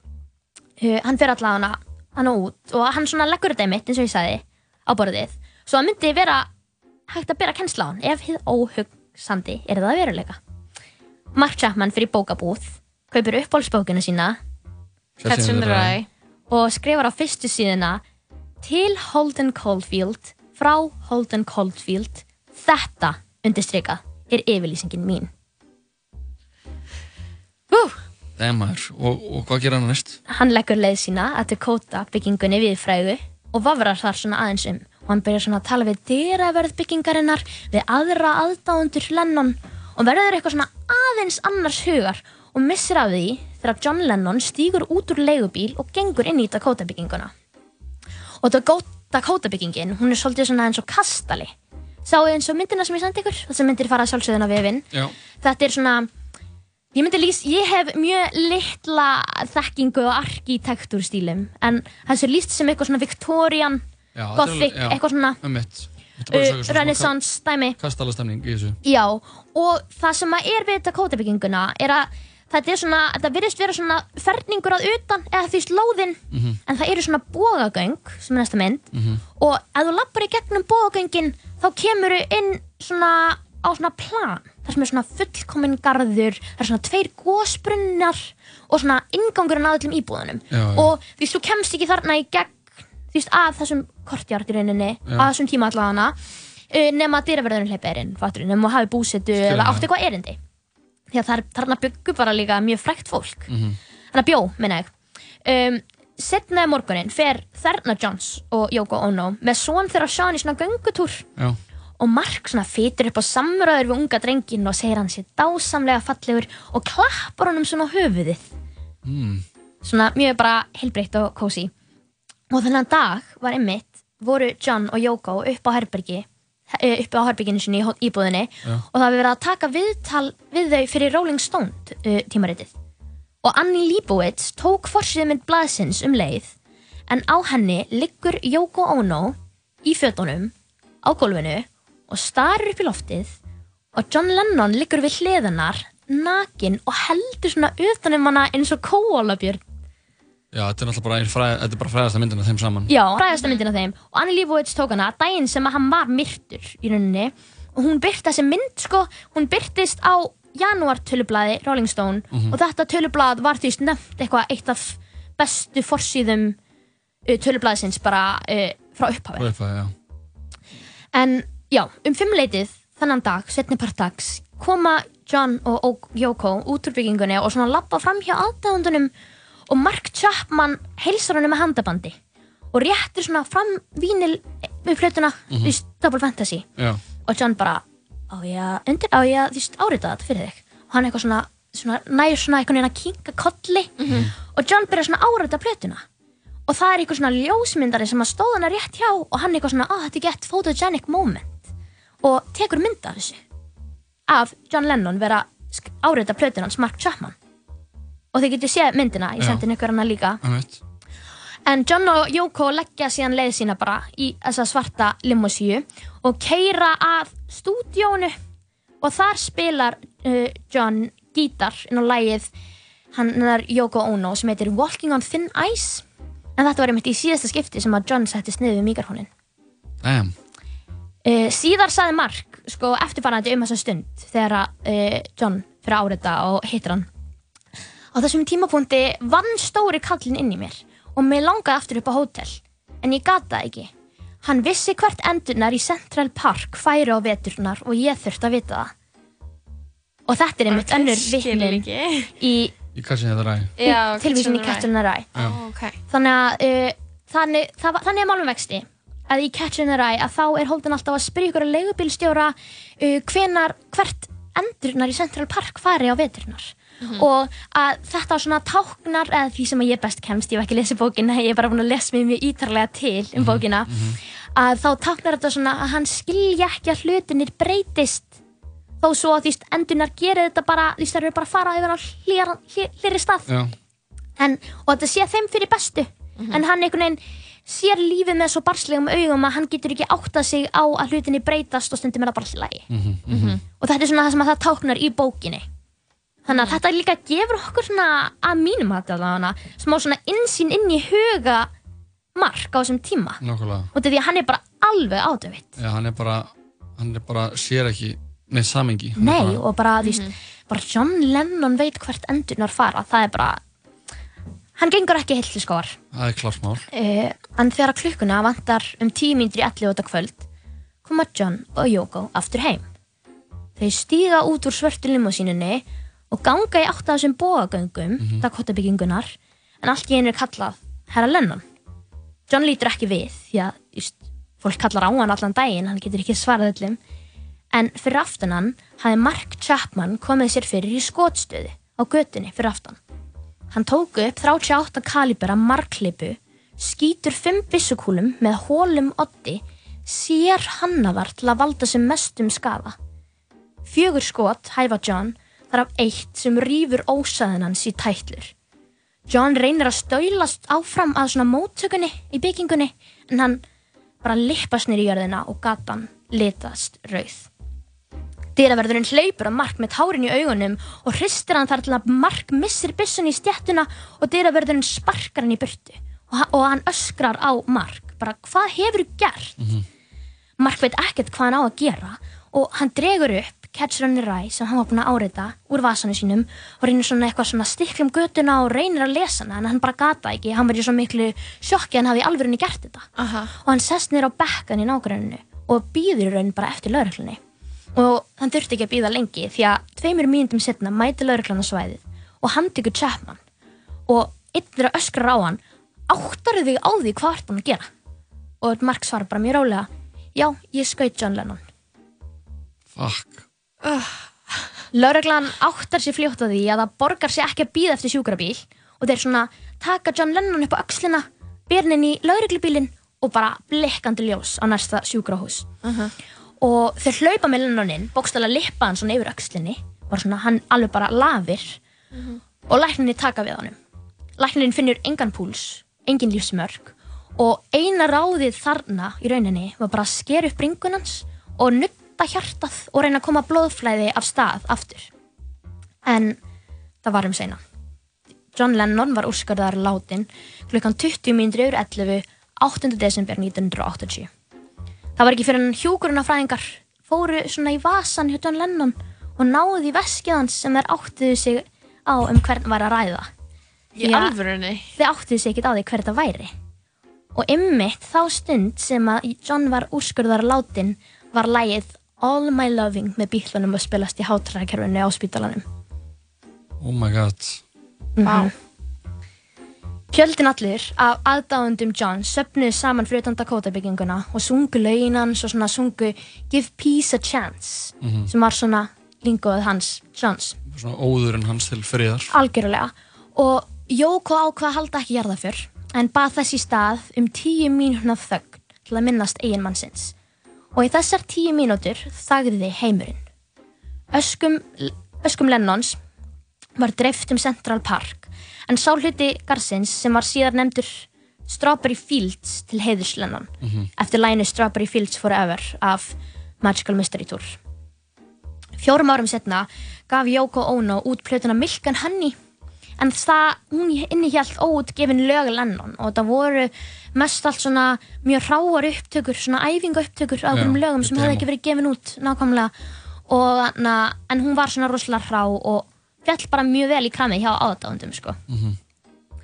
en það var líka þegar að það kom að, að því að uh, ákjæra Mark Chapman og sækja hann til saga að þá var alveg ljóst bara frá upphæfi að Mark Chapman hafi gert þetta, það var ekkert spurning um hvar, hvinnar, hver. Nei, þetta var meira bara spurning bara er, er, er hann já. Uh, vissan munin á rétt og röngu á þessum tíma. Hann var augljóslega veikur á geði og hann var greindur með ofsóknar geðklofa eða paranoid schizophrenia og geðkverfasíki eða svona bipo- bipolar distor disorder. Um, hann sagðist trúa því að stóri hlutin á hannum eða stóri kallinn væri Holden Caulfield en litla fólkið það væri djöfullin. Margir haldaði fram að þetta hafi verið að hann var líka með veist, önnur skotmörk í siktinu eða svona margir haldaði fram og að, en að John Lennon hafi verið mjög heppilegur þar sem hann var svona mjög aðgengilegur almenningi. Það vissi allir hvað hann bjó hann vissi allir hvað hann bjó og John var aldrei eitthvað svona með eitthvað ofsa lífverði en eitt þannig. Að hann sagðist bara að elska að búa í New York út af því að fólk bara leiði hann að vera í friði. Mhm. út af því að uh, þeir bara svona Hi John, uh, love your music, have a nice day. Og hann bara, yeah, thank you, bye Mhm, mhm. mm þannig að hann var svona ótrúlega auðvelt skotmark. En David Bowie saði í viðtali eftir þetta atvik að hann hafi verið nummið tvö á listanum hjá Mark Chapman. Oh my god. Og að Mark Chapman, Yoko Ono og John Lennon höfðu öll átt sæti á síningun hans á Broadway The Elephant Man í fremstu röð sem hann var daginn eftir morðið á John Lennon. Þannig að þegar hann fór út fram á sviðið þann uh, 9. desember 1980 það voru þrjú auð sæti tvö saman og svo eitt í fremstu röð Mhm. og hann sagði bara, "Þú veist, ég meika eða valla að komast í gegnum síninguna mm -hmm. vitandi að ég hefði líka geta verið næstur eða fattu hvað ég meina já, já. Mark sagði líka, þú veist, sálfræðingum hann hafði mér sér dreymt um að komast yfir kjarnorkuvopn og sprengja heila borg og alla sem að byggja þar hann er, já, hann er virkilega, var virkilega veikur Já, hann er bara veikur og þú veist, mér finnst þetta að vera svona svolítið Er hann ennþá á rauð- lífi, eða? Já, hann er ennþá á lífi Hann er kemur bara í líka- fangelsi? Já, já, já En þvert á uh, ráð lögmannans sem vildi að Mark er fundin ósakhæfur sem að kannski voru alveg grundvöldur fyrir á þessum tíma Mhm. að þá játaði Mark sér segan við upphafi rétt að halda hana og hann Mhm. sagði að Guð hafi sagt um að gera þetta Ok. og hann var dæmdur í 20 ár til lífstíðar og sótti fyrst um reynslu lausn árið 2000 en honum hefur verið neitað tíu sinnum um reynslu lausn síðast árið 2018 já, hann er bara fín, vel gemdur hann held ég já, já, já, margir haldaði líka fram að Mark Chapman munu aldrei losna úr fangelsi þar sem hann er bara einn hataðasti maður bandaríkjana Mhm.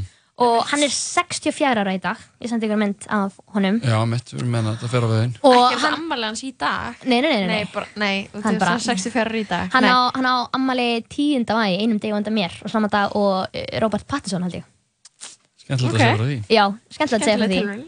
En hann alveg nokkur á góða áratugi eftir Þannig að kannski bara best að hann sitja inni sem lengst. Já, En dæmi hver fyrir sig? Úff, það sjá góður Ingeborg. Er Það ekki? Takk kærlega fyrir þetta. Ég, bara, mí, eins og alltaf mínu var ánægjan Og alla þætti af gælarska glæpi Má að sjálfsögðu finna á öllum helstu streymisveitum Svo sem Spotify og Apple Podcasts. Ef þá ekki bara slá botn í þáttin heldur betur. Takk fyrir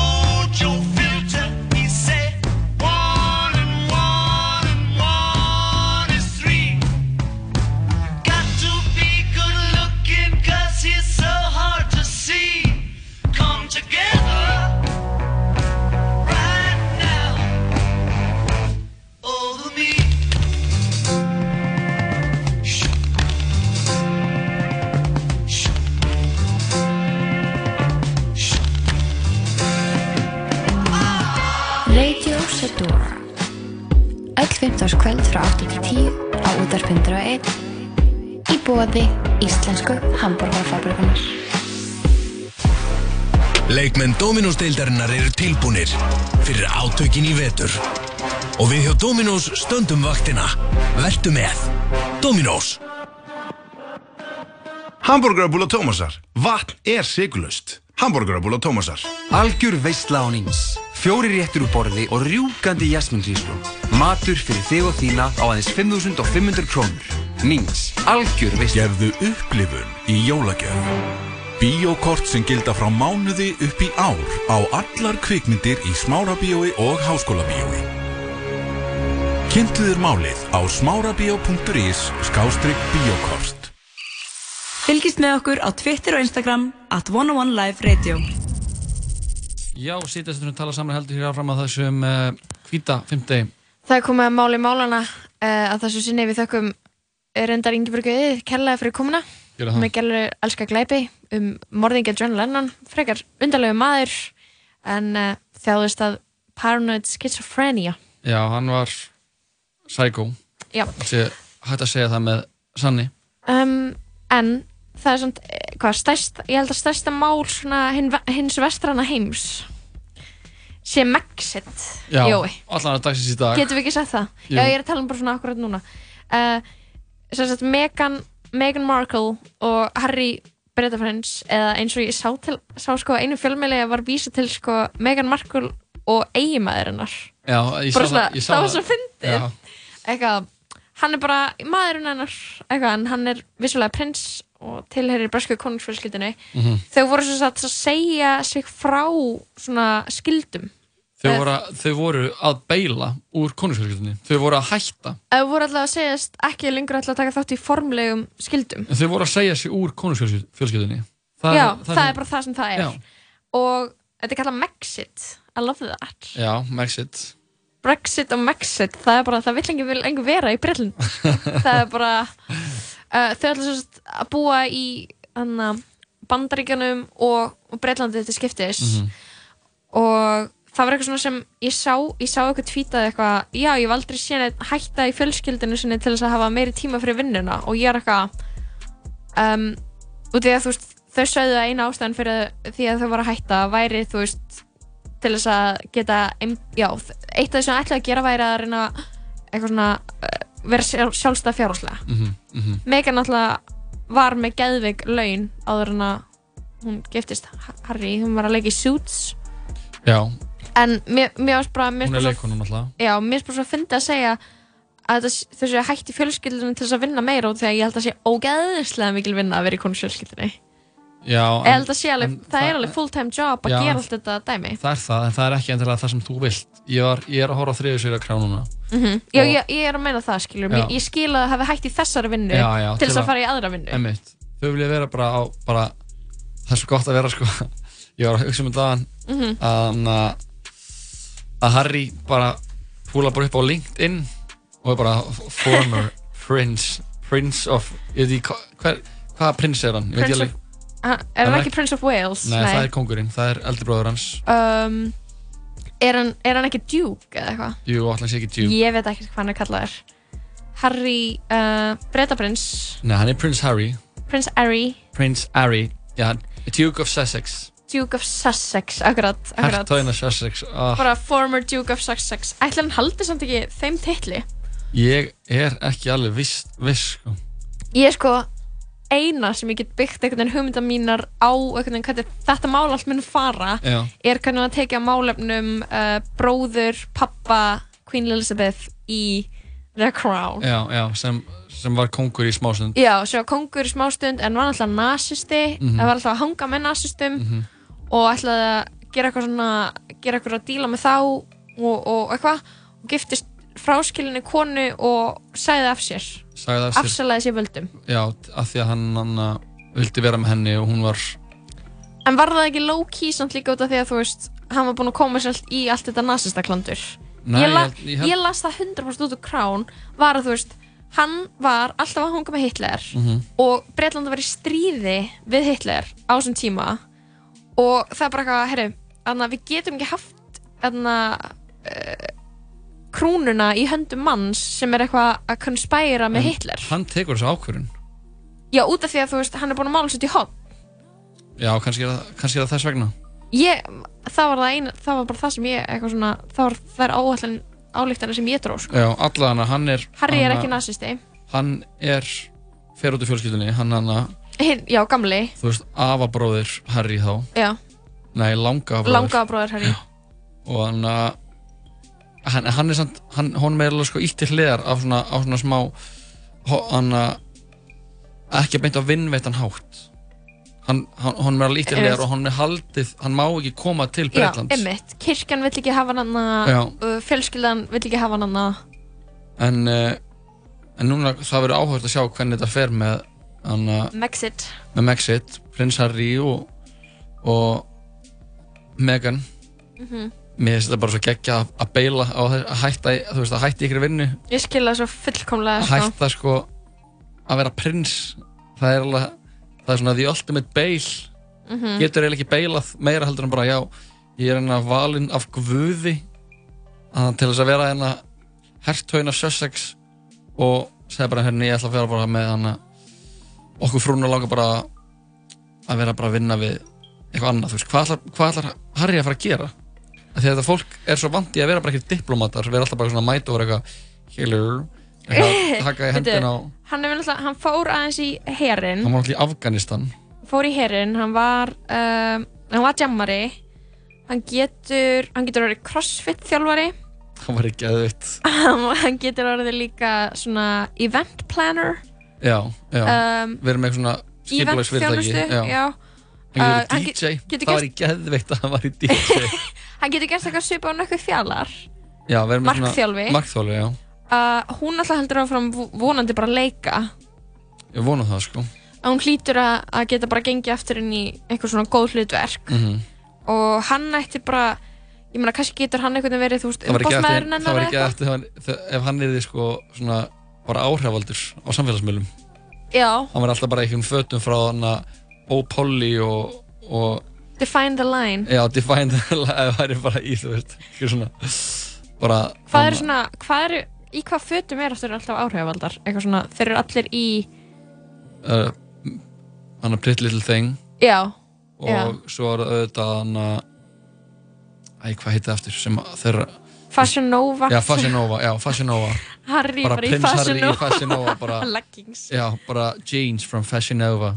Ok, I love that. æfisagna höfundurinn Angela Levin uh, segist telja englandsdrottning sé miður sín vegna málsins. Mhm. Drottningin mun vera í miklu uppnámi og ég held raunar að hún hafi korki hugrekkinni viljan til þess að takast á við svona mál vegna háus aldurs. En Harry er einstaklingur sem getur tekið sínar eigin ákvarðanir. Svo staðarind að hann er sá sjötti í rauninni til aðra krúnuna þýðir að hann þarf ekki að mæta á jafn marga ofinbæra viðbörði og hann þyrfti að gera ef hann var í framar í rauninni, Mm. segir hún, Angela. ég fatt ekki að hann væri svona Hann er mjög, hann er, alltaf eftir börnunum hans, hans Charles uh, já, eftir börnum að Charles. eh, býtu, heitir hann ekki Charles er það ekki Harry Jú, og jú, allt í einu var ég eitthvað heitir hann Edward, nei nei, nei, nei, það er, gæinn, það er langa bróður þeirra. Ok, Hann hétt Edward. svo alltaf Andrew hann að barnanýðingurinn Barningurinn, hann er sem náttúrulega, svitnar ekki. Já, hann er náttúrulega ekki, sorry, er það ekki meira áfall heldur en eitthvað beil úr fjölunni? Mm, nei, þú veist, samt. Ég held það samt- er verra. fyrir fjölskylduna er það samt ekki. nei, en það ætti að vera það. Það veri Já, rökrétt. Já, það náttúrulega er skellur að, út af hana, þú veist, það er lagt svo mikið, upp úr dignity og lagt svo mikið upp úr þessum Mm. hana, að vera fyrirmynd og svolítið að vera ek- ekki meint heilagur en að svona allt alltaf því vera bara að, að Breyta rétt já, en samt, sem, sem ég ekki breyta rétt eins og allan er, er í þáttunum í krán Nei, það er bara, og það sem hún hefur lagt um með Elisabeth englasdrottning er Já. bara að hennar hana drottningatíð hefur bara við skilgrind alltaf eftir því að hún hana er ekkert að taka neina sérstaklega mikla afstöður hún er Nei, bara, einmitt. hún er bara hana not having an opinion, not saying anything is the hardest job of all eins og hún Uh-huh. eins og not sagt- eins doing anything já, is sometimes the best thing to do já, sem amma hennar segir við hana ég náttúrulega Mhm. er á kafi í þáttunum sko. þetta er svo skemmtilegt sko. uh, ég hérna sko, Hann- ég fíla alveg svona eitthvað kongafólk og prinsessur og eitthvað, en þú veist, eftir að Crown kom út, þá bara svona, fekk, þá fekk maður aftur áhuga, einhvern veginn. Já, ég, ég hef aldrei haft áhuga á þessu Nei. Ég hafði áhuga þessu þegar ég var lítil, eitthvað prinsessa Diana og eitthvað, skilur, Mhm, eitthvað, mhm. dæmi.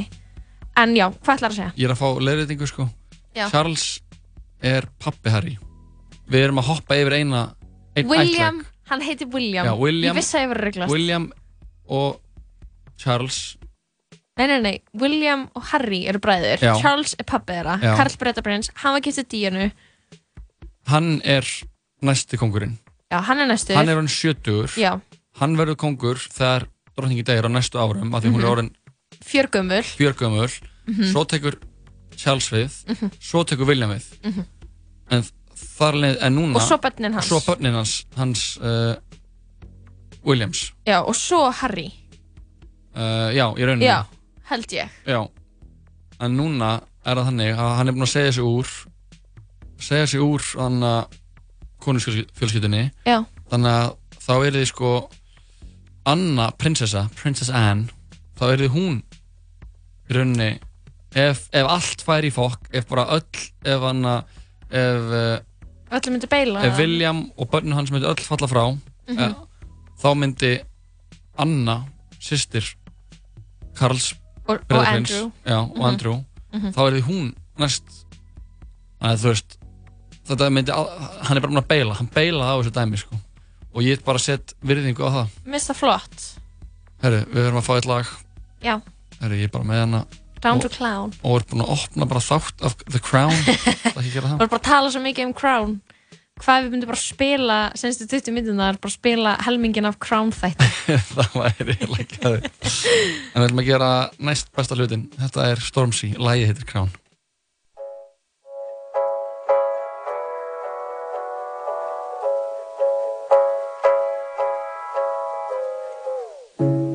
Searching every corner of my mind. Looking for the answers I can't find. I have my reasons and life has its lessons. I try to be grateful and count all my blessings, but heavy is the head that wears the crown.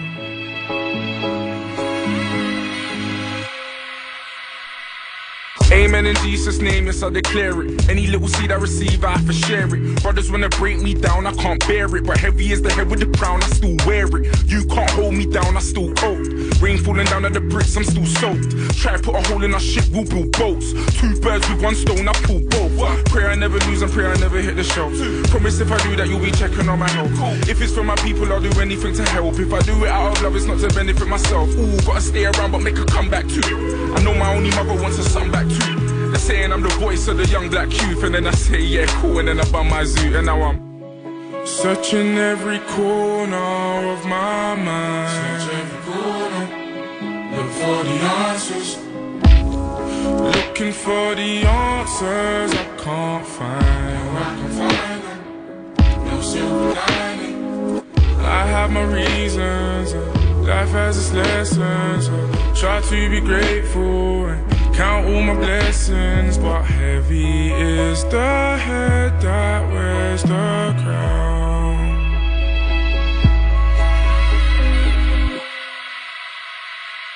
Amen in Jesus' name, oh yes, I claim it. Any little bread that I make, I have to break it. Brothers wanna break me down, I can't take it. I done a scholarship for the kids, they said it's racist. That's not anti-white, it's pro-black. Hang me out to dry, I won't crack.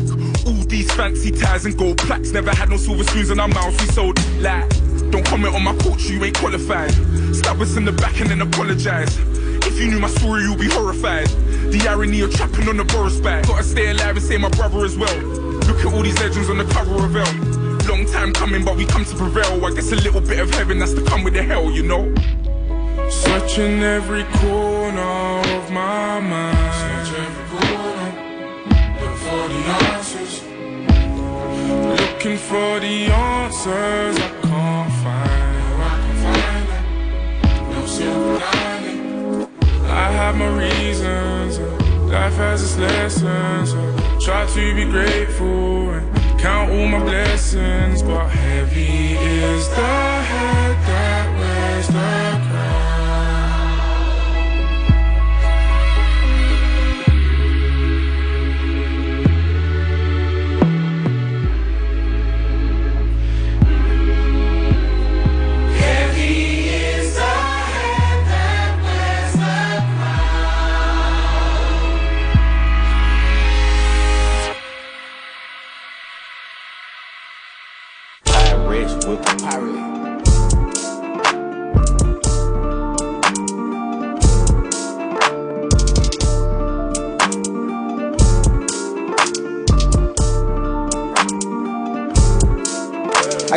got big dreams, so my watch got a big face. Girls getting missing like a motherfucking mixtape. Smelling like money and I'm looking like sex. I'm outside for real with the slimes and the slats. Nigga ride away, then the nigga get taxed. Finish no pants and I fill 'em up with racks. They all ball cap and this all facts. No, I don't relax and I don't lack.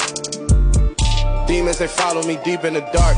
Niggas got problems with being a boss. We ain't been home, but we hear all the talking. Hit them with hollows and clean it with salt. Salt in the wound and my heart in the cooler. Frozen like I gave my heart to my jeweler. Told him to make a new piece out of this ever since I just can't get no fuck by no bitch. Baby, had to bust down on the AP. Yeah, baby, ain't no rich styles on you lately. Yeah, I got fans in Costa Rica. I got fans in Costa Rica. I got fans in Costa Rica.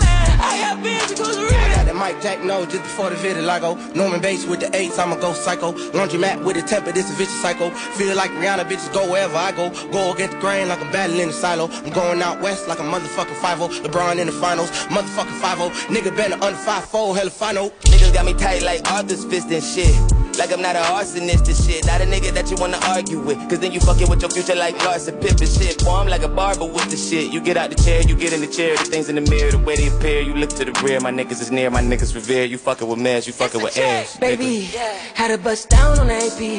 Yeah, baby, ain't no rich styles on you lately. Yeah, I got fans in Costa Rica. I got fans in Costa Rica. I got fans in Costa Rica.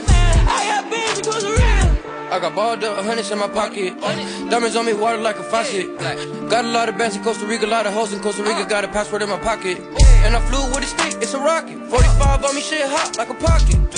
You ain't talking money, it's nonsense. Got your baby mama doing drugs in a mosh pit. Top of the morning and anybody who thought it was Betty by Jitty. I'm like a Jedi, mind tricks live inside of your head. I devilish red eyes, never been on a red eye. A Jedi be high forget. Shorty said I be wildin' and trippin' when I'm on a lick. Score a penny or 20, I'm Dominic Wilkins and shit. Really, I flew to Costa Rica with the AP. At the airport, this girl asked me, hey. Are you Slay Wow. Baby, had to bust down on the AP.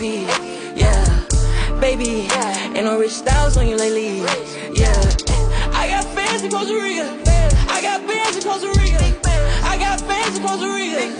I got fans in Costa Rica. Suffering succotash, she think it's all pretty cap of hair. I ain't even mad. I started sucking on the titty, put my thumb in the ass. She had a little one, it really wasn't nothing to grab, but did it anyway. Nigga, I'm a bag, coming down to 91, flying, doing the dash, you going in today. And I been riding my ass to furnace him away. She ain't got shit else to say. I got too much skills, I flow like the water, so surprised I did not go kills. And I am your father like you was Luke Skywalker. And I concur and let it burn like Usher's perm and kill confirm. You look concerned, respect is earned. Oh, you really be in it, me, gotta be kidding me. Oh, you really be sick in it, I got the remedy. Oh, I'm feeling like Goku, bitch, I think your energy. Oh, okay.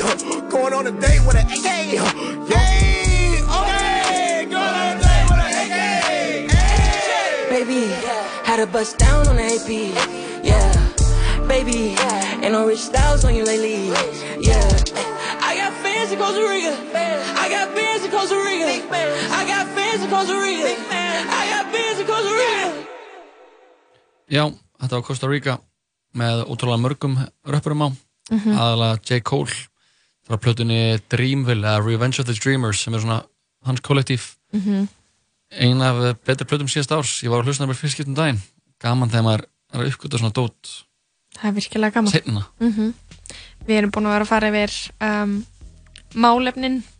Ó, þau eru svo það mörg sem, það sem er að gerast í dag, sem er fréttna, þetta er Megxit og, og, listamannalögin og þessi Mhm. stormur þessi stormur og við vonum allir sé að keira varlega úti í, í, í vonda veðrinu. ég sko var að lappa hérna úr sundi Já, fórst, fórst í sundi í þessu veðri? ég fór í sundið við veðri Var það, varstu inni eða úti? úti En var það, like a real boss og var það skilur óþægilegt eða var það skemmtilegt?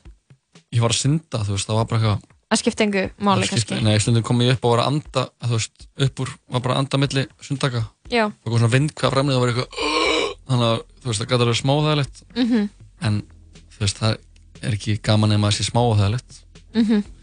Ég skil ekki en uh, ég rann alveg næstu í þri, eða þú veist, ég rann þrísvar og það hefði getað meitt mig bara bara illa út af rókinu bara lapp, á lappinu og leiðinu heim. Já.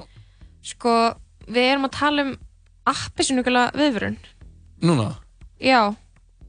Uh, 50 dagur alveg, hún er alveg til 6 Það er appisnugul viðurinn já, ek, já Oh hún er uh, já, appisunugul viðvörun sko á morgun í Reykjavík sínst mér. Mhm. um, byrju, ég ætla að reyna að ná þessu alveg, alveg rétt. Já, það, kem, það er appisynugul viðvörun hátegi á morgun Reykjavík það er appisynugul í gangi núna á vestfjörðum Já, ok. uh, það er gullt yfir allt miðhálandið gul viðvörun og svo fram á laugadag verður appisynugul viðvörun á, á eða spáð allavega appisynugulri viðvörun núna fyrir laugadaginn á vestfjörðum Mhm. þannig að vestfjörðingar er að þeir eru að fá svolítið svona bil á sig og hafa sannilega tekið mestan vind hérna í, í svo óveðri sem búið að vera standið yfir. Já, þetta, maður, fólk þarf að fara mjög valega sko. hríða veður er þetta kallað. Suðvestan hríði með vindræð á bylunu 20-28 metrar á sekundi það er svo mikið sko, það er svo mikill vindur. Le, þú veist, leilegt skikni sko að, þetta gerir bara janúarmánu aðeins veist, hann ennú þegar svolítið svona, hann er smá slap in the face. Mér finnst það gott á að snjó að þau þá byrti til. Það er mjög fínt, en þú veist eins og uh, ég er búin að vera með bíl í láni og ég veit ekki alveg, mér myndi dagurum mér væri alveg erfiðar ég væri ekki hann bíl í þessu óveri, sko, Ég- að fara að standa í, Ég lappaði bara hingað já en þú veist var hápunktur starfsins þegar þú labbaðir eða?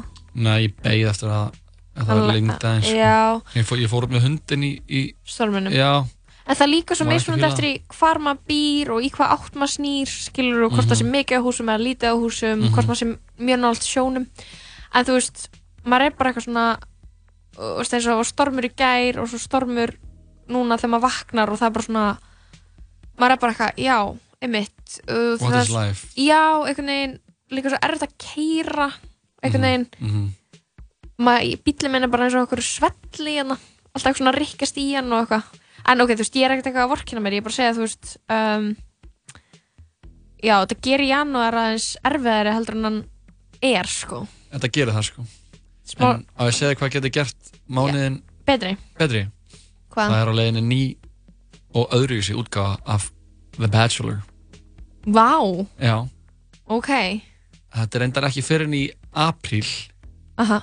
en þetta gæti fyllt hjartaðið af svo mikilvæg eftirvendingu að þú bara svífur á einhverjum ástarvængjum alveg bara gegnum janúar, gegnum februar, gegnum mars og bara alveg þangað til að þessi þáttur byrjar. Ég hef sko ekki hort á Bachelor síðan 2005 Nei, þetta var náttúrulega mjög heitt enn í fyrra. Já, Það var mjög, þú varst, varst, varst þú inn í ég þetta? horfði á síðasta, síðustu tvo þættina. Aha. maður þarf ofta, geta, oftast að geta að gera meira en það. Já, ég skil En ekki það er samt alveg gaman að það er svo mikið svona, það er gaman að sjá að það ruggla liðið dettur út. Mhm. en eh, sko The Bachelor, Listen to Your Heart er sagt þessi nýja útgáfa af þessum sívinsæla Þetta hljóma strax bara eins og eitthvað sem ok, segðu mér, hvað, Eh, hvað er að fara að gerast? Þættin er saman að bæði ást og tónlist en keppendur verða aðeins einstaklingar sem lifa á tónlist og reyna, reyna fyrir sér á því sviði. Alls taka tíu einhleipar konur og tíu einhleipar karlar þátt í fyrstu þáttaröðinni og uh, getur fólk fundið ástina í gegnum lagasmiði og tónlist. Ég elska þetta Þetta er náttúrulega mjög gott, sko. fullkomlega elska þetta og ég vil að þetta veri gert á Íslandi líka Já, ok. eða þú veist, ég vil bara svona íslenska íslenska, þú veist, tindurlögin nefnum að bara fólk sem er að reyna fyrir sér í tónlist Já, sem er ekki búið að meika nei, mitt.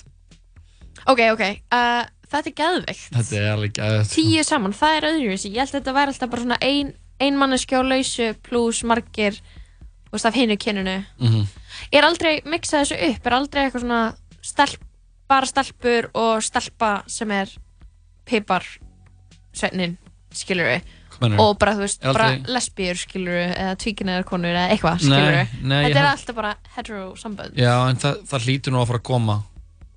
Uh, Það var líka, ég sá ekkert setja á Twitter eitthvað Það var alltaf bara gett myndalegt fólk.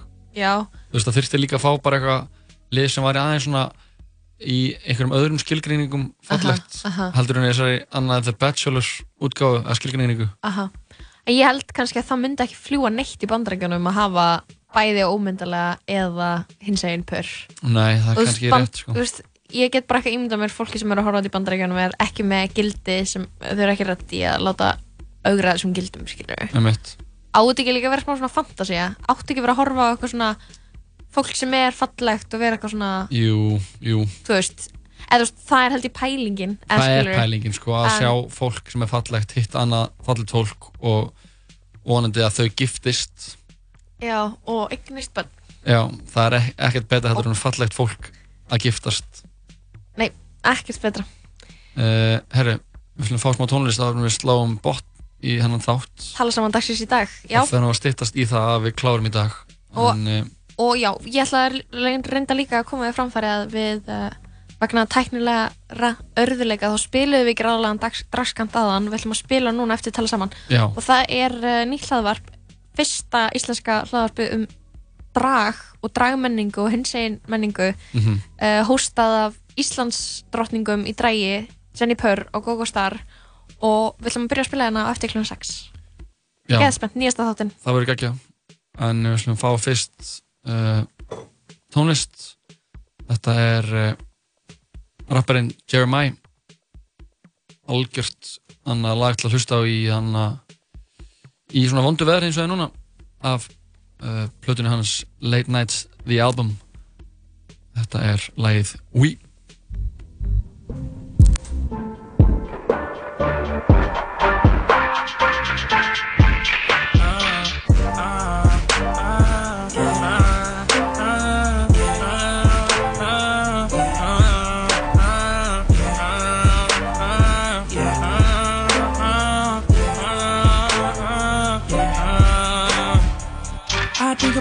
the time, think you may need all of mine.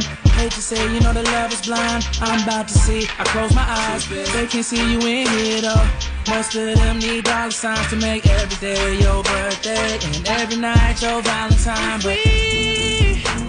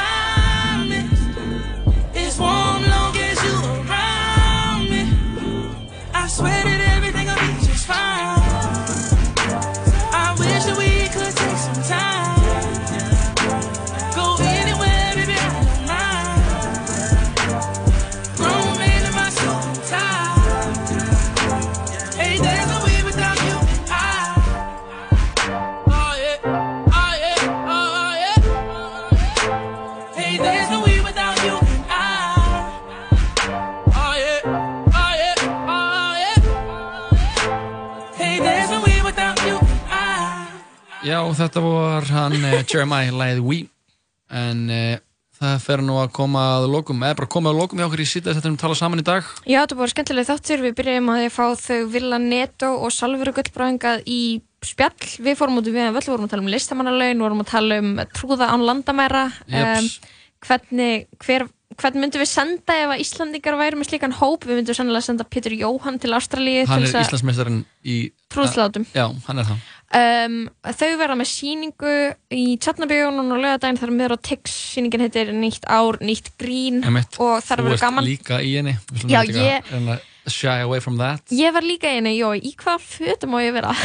Á ég vera í, sex, á ég að vera í hann Þú getur þessi fyrir- 101 flýspressunni? Já, getur við þessi fikið leika láni á vinkunniðinni Soli? Já, Já, ég, þarna, ég held sér endar að ég sé alveg búin með, þinn kvóta búin með minn kvóta hjá Solveigu En Einars. næst fengu við Ingi Björgu Yðu Mhm. Gjælur alls að glæpi Hún sagði okkur frá morðinu á John Lennon sem var frekar epic Ég verður bara að segja það Mér finnst ótrúlega forvitilegt hvernig uh, þessi, ma- að, þú veist, ég hafði ekki hugmynd um tenginguna við sko Catcher in the Rye Nei. og Holden Caulfield.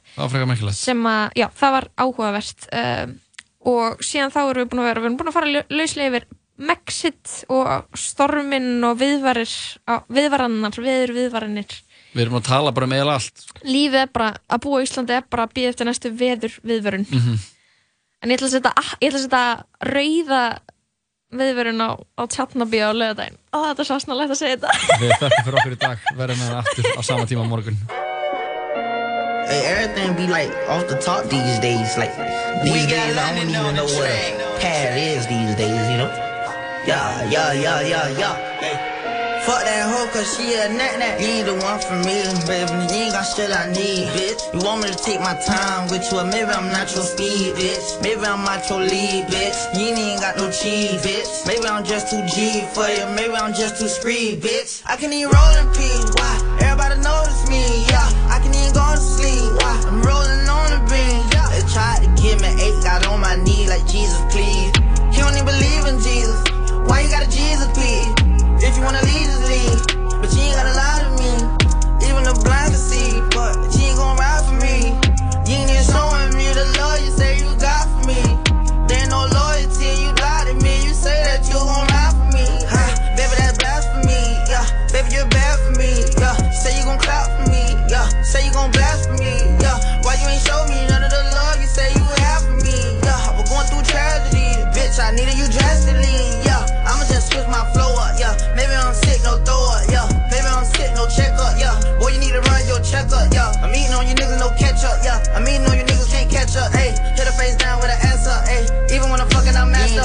Baby, you ain't got shit I need, bitch. You want me to take my time with you, maybe I'm not your speed, bitch. Maybe I'm not your lead, bitch. You ain't got no cheese, bitch. Maybe I'm just too G for you, maybe I'm just too screed, bitch. I can even roll in peace, why? Everybody notice me, yeah. I can even go to sleep, why? I'm rolling on the beam, yeah. They tried to give me eight, got on my knee like Jesus, please.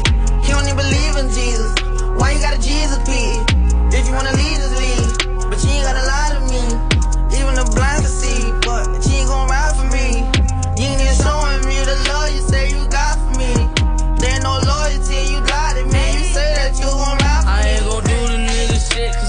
good for huh? I ain't gon' fuck the nigga bitch cause I know she a eater, huh? Last time I wiped the bitch, she told the world I beat her, huh? And when they lock low Kodak up, my nigga, I couldn't uh, believe it, huh? Hello, shorty, on my road, box up a Nokia poke, and yo, hit it from the back, let it be a blitz, said that I knocked her period on. Remember when I had that poker, huh? Still looking on my shoulder, huh? Bustin' with a nigga, no Yoda, huh? Got shit I need, bitch. You want me to take my time with you, or maybe I'm not your speed, bitch. Maybe I'm not your lead, bitch. You ain't got no cheese, bitch. Maybe I'm just too G for you, maybe I'm just too screed, bitch. I can even roll in peace, why? Everybody notice me, yeah. I can even go to sleep, why? I'm rolling on the beam, yeah. They tried to give me eight, got on my knee like Jesus, please. He don't even believe in Jesus. Why you got a Jesus, please? If you wanna leave, just leave. But you ain't gotta lie to me see, but she ain't gon' ride for me. You ain't even showing me the love you say you got for me. There ain't no loyalty, you lie to me. You say that you gon' ride for me. Ay.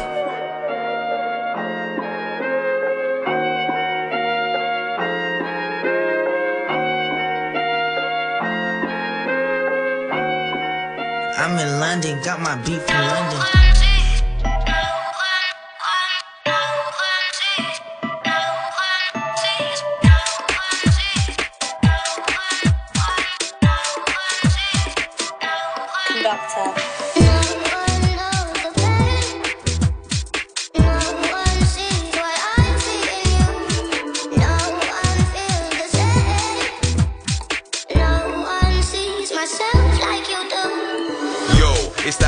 Set. AJ Tracy live and direct. DJ mash up the mash up the deck. The microphone champ is live and direct. And again, it's the Hyperman set. AJ Tracy live and direct. DJ mash up the mash up the deck. The microphone champ is live and direct. Said Bubble.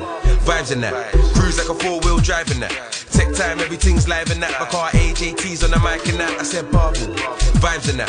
Cruise like a four wheel drive in that. Tech time, everything's live in that. My car AJT's on the mic and that.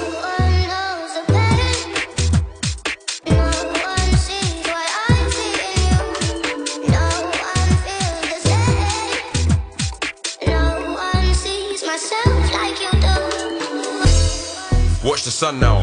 Had a little beef, but it's done now. I just need a drink and a rub down. When my team's in a place, it's shut down. I'ma ride on a wave to the sundown. Peng ting looking like a touchdown. All my haters getting vexed, calm up now. I went up, then my kettle got bust down. Watch the sun now. Had a little beef, but it's done now. I just need a drink and a rub down. My team's in a place, it's shut down. I'ma ride on a wave to the sundown.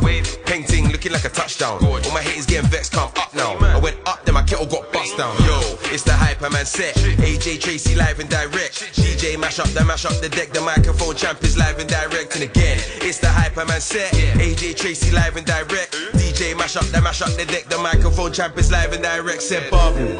Vibes in that. Cruise like a four wheel driving that. Tech time, everything's live in that. My car AJT's on the mic and that. I said Bubble. Vibes in that. Cruise like a four wheel driving that. Tech time, everything's live in that. My car AJT's on the mic and that. No one knows okay. No one sees my eyes.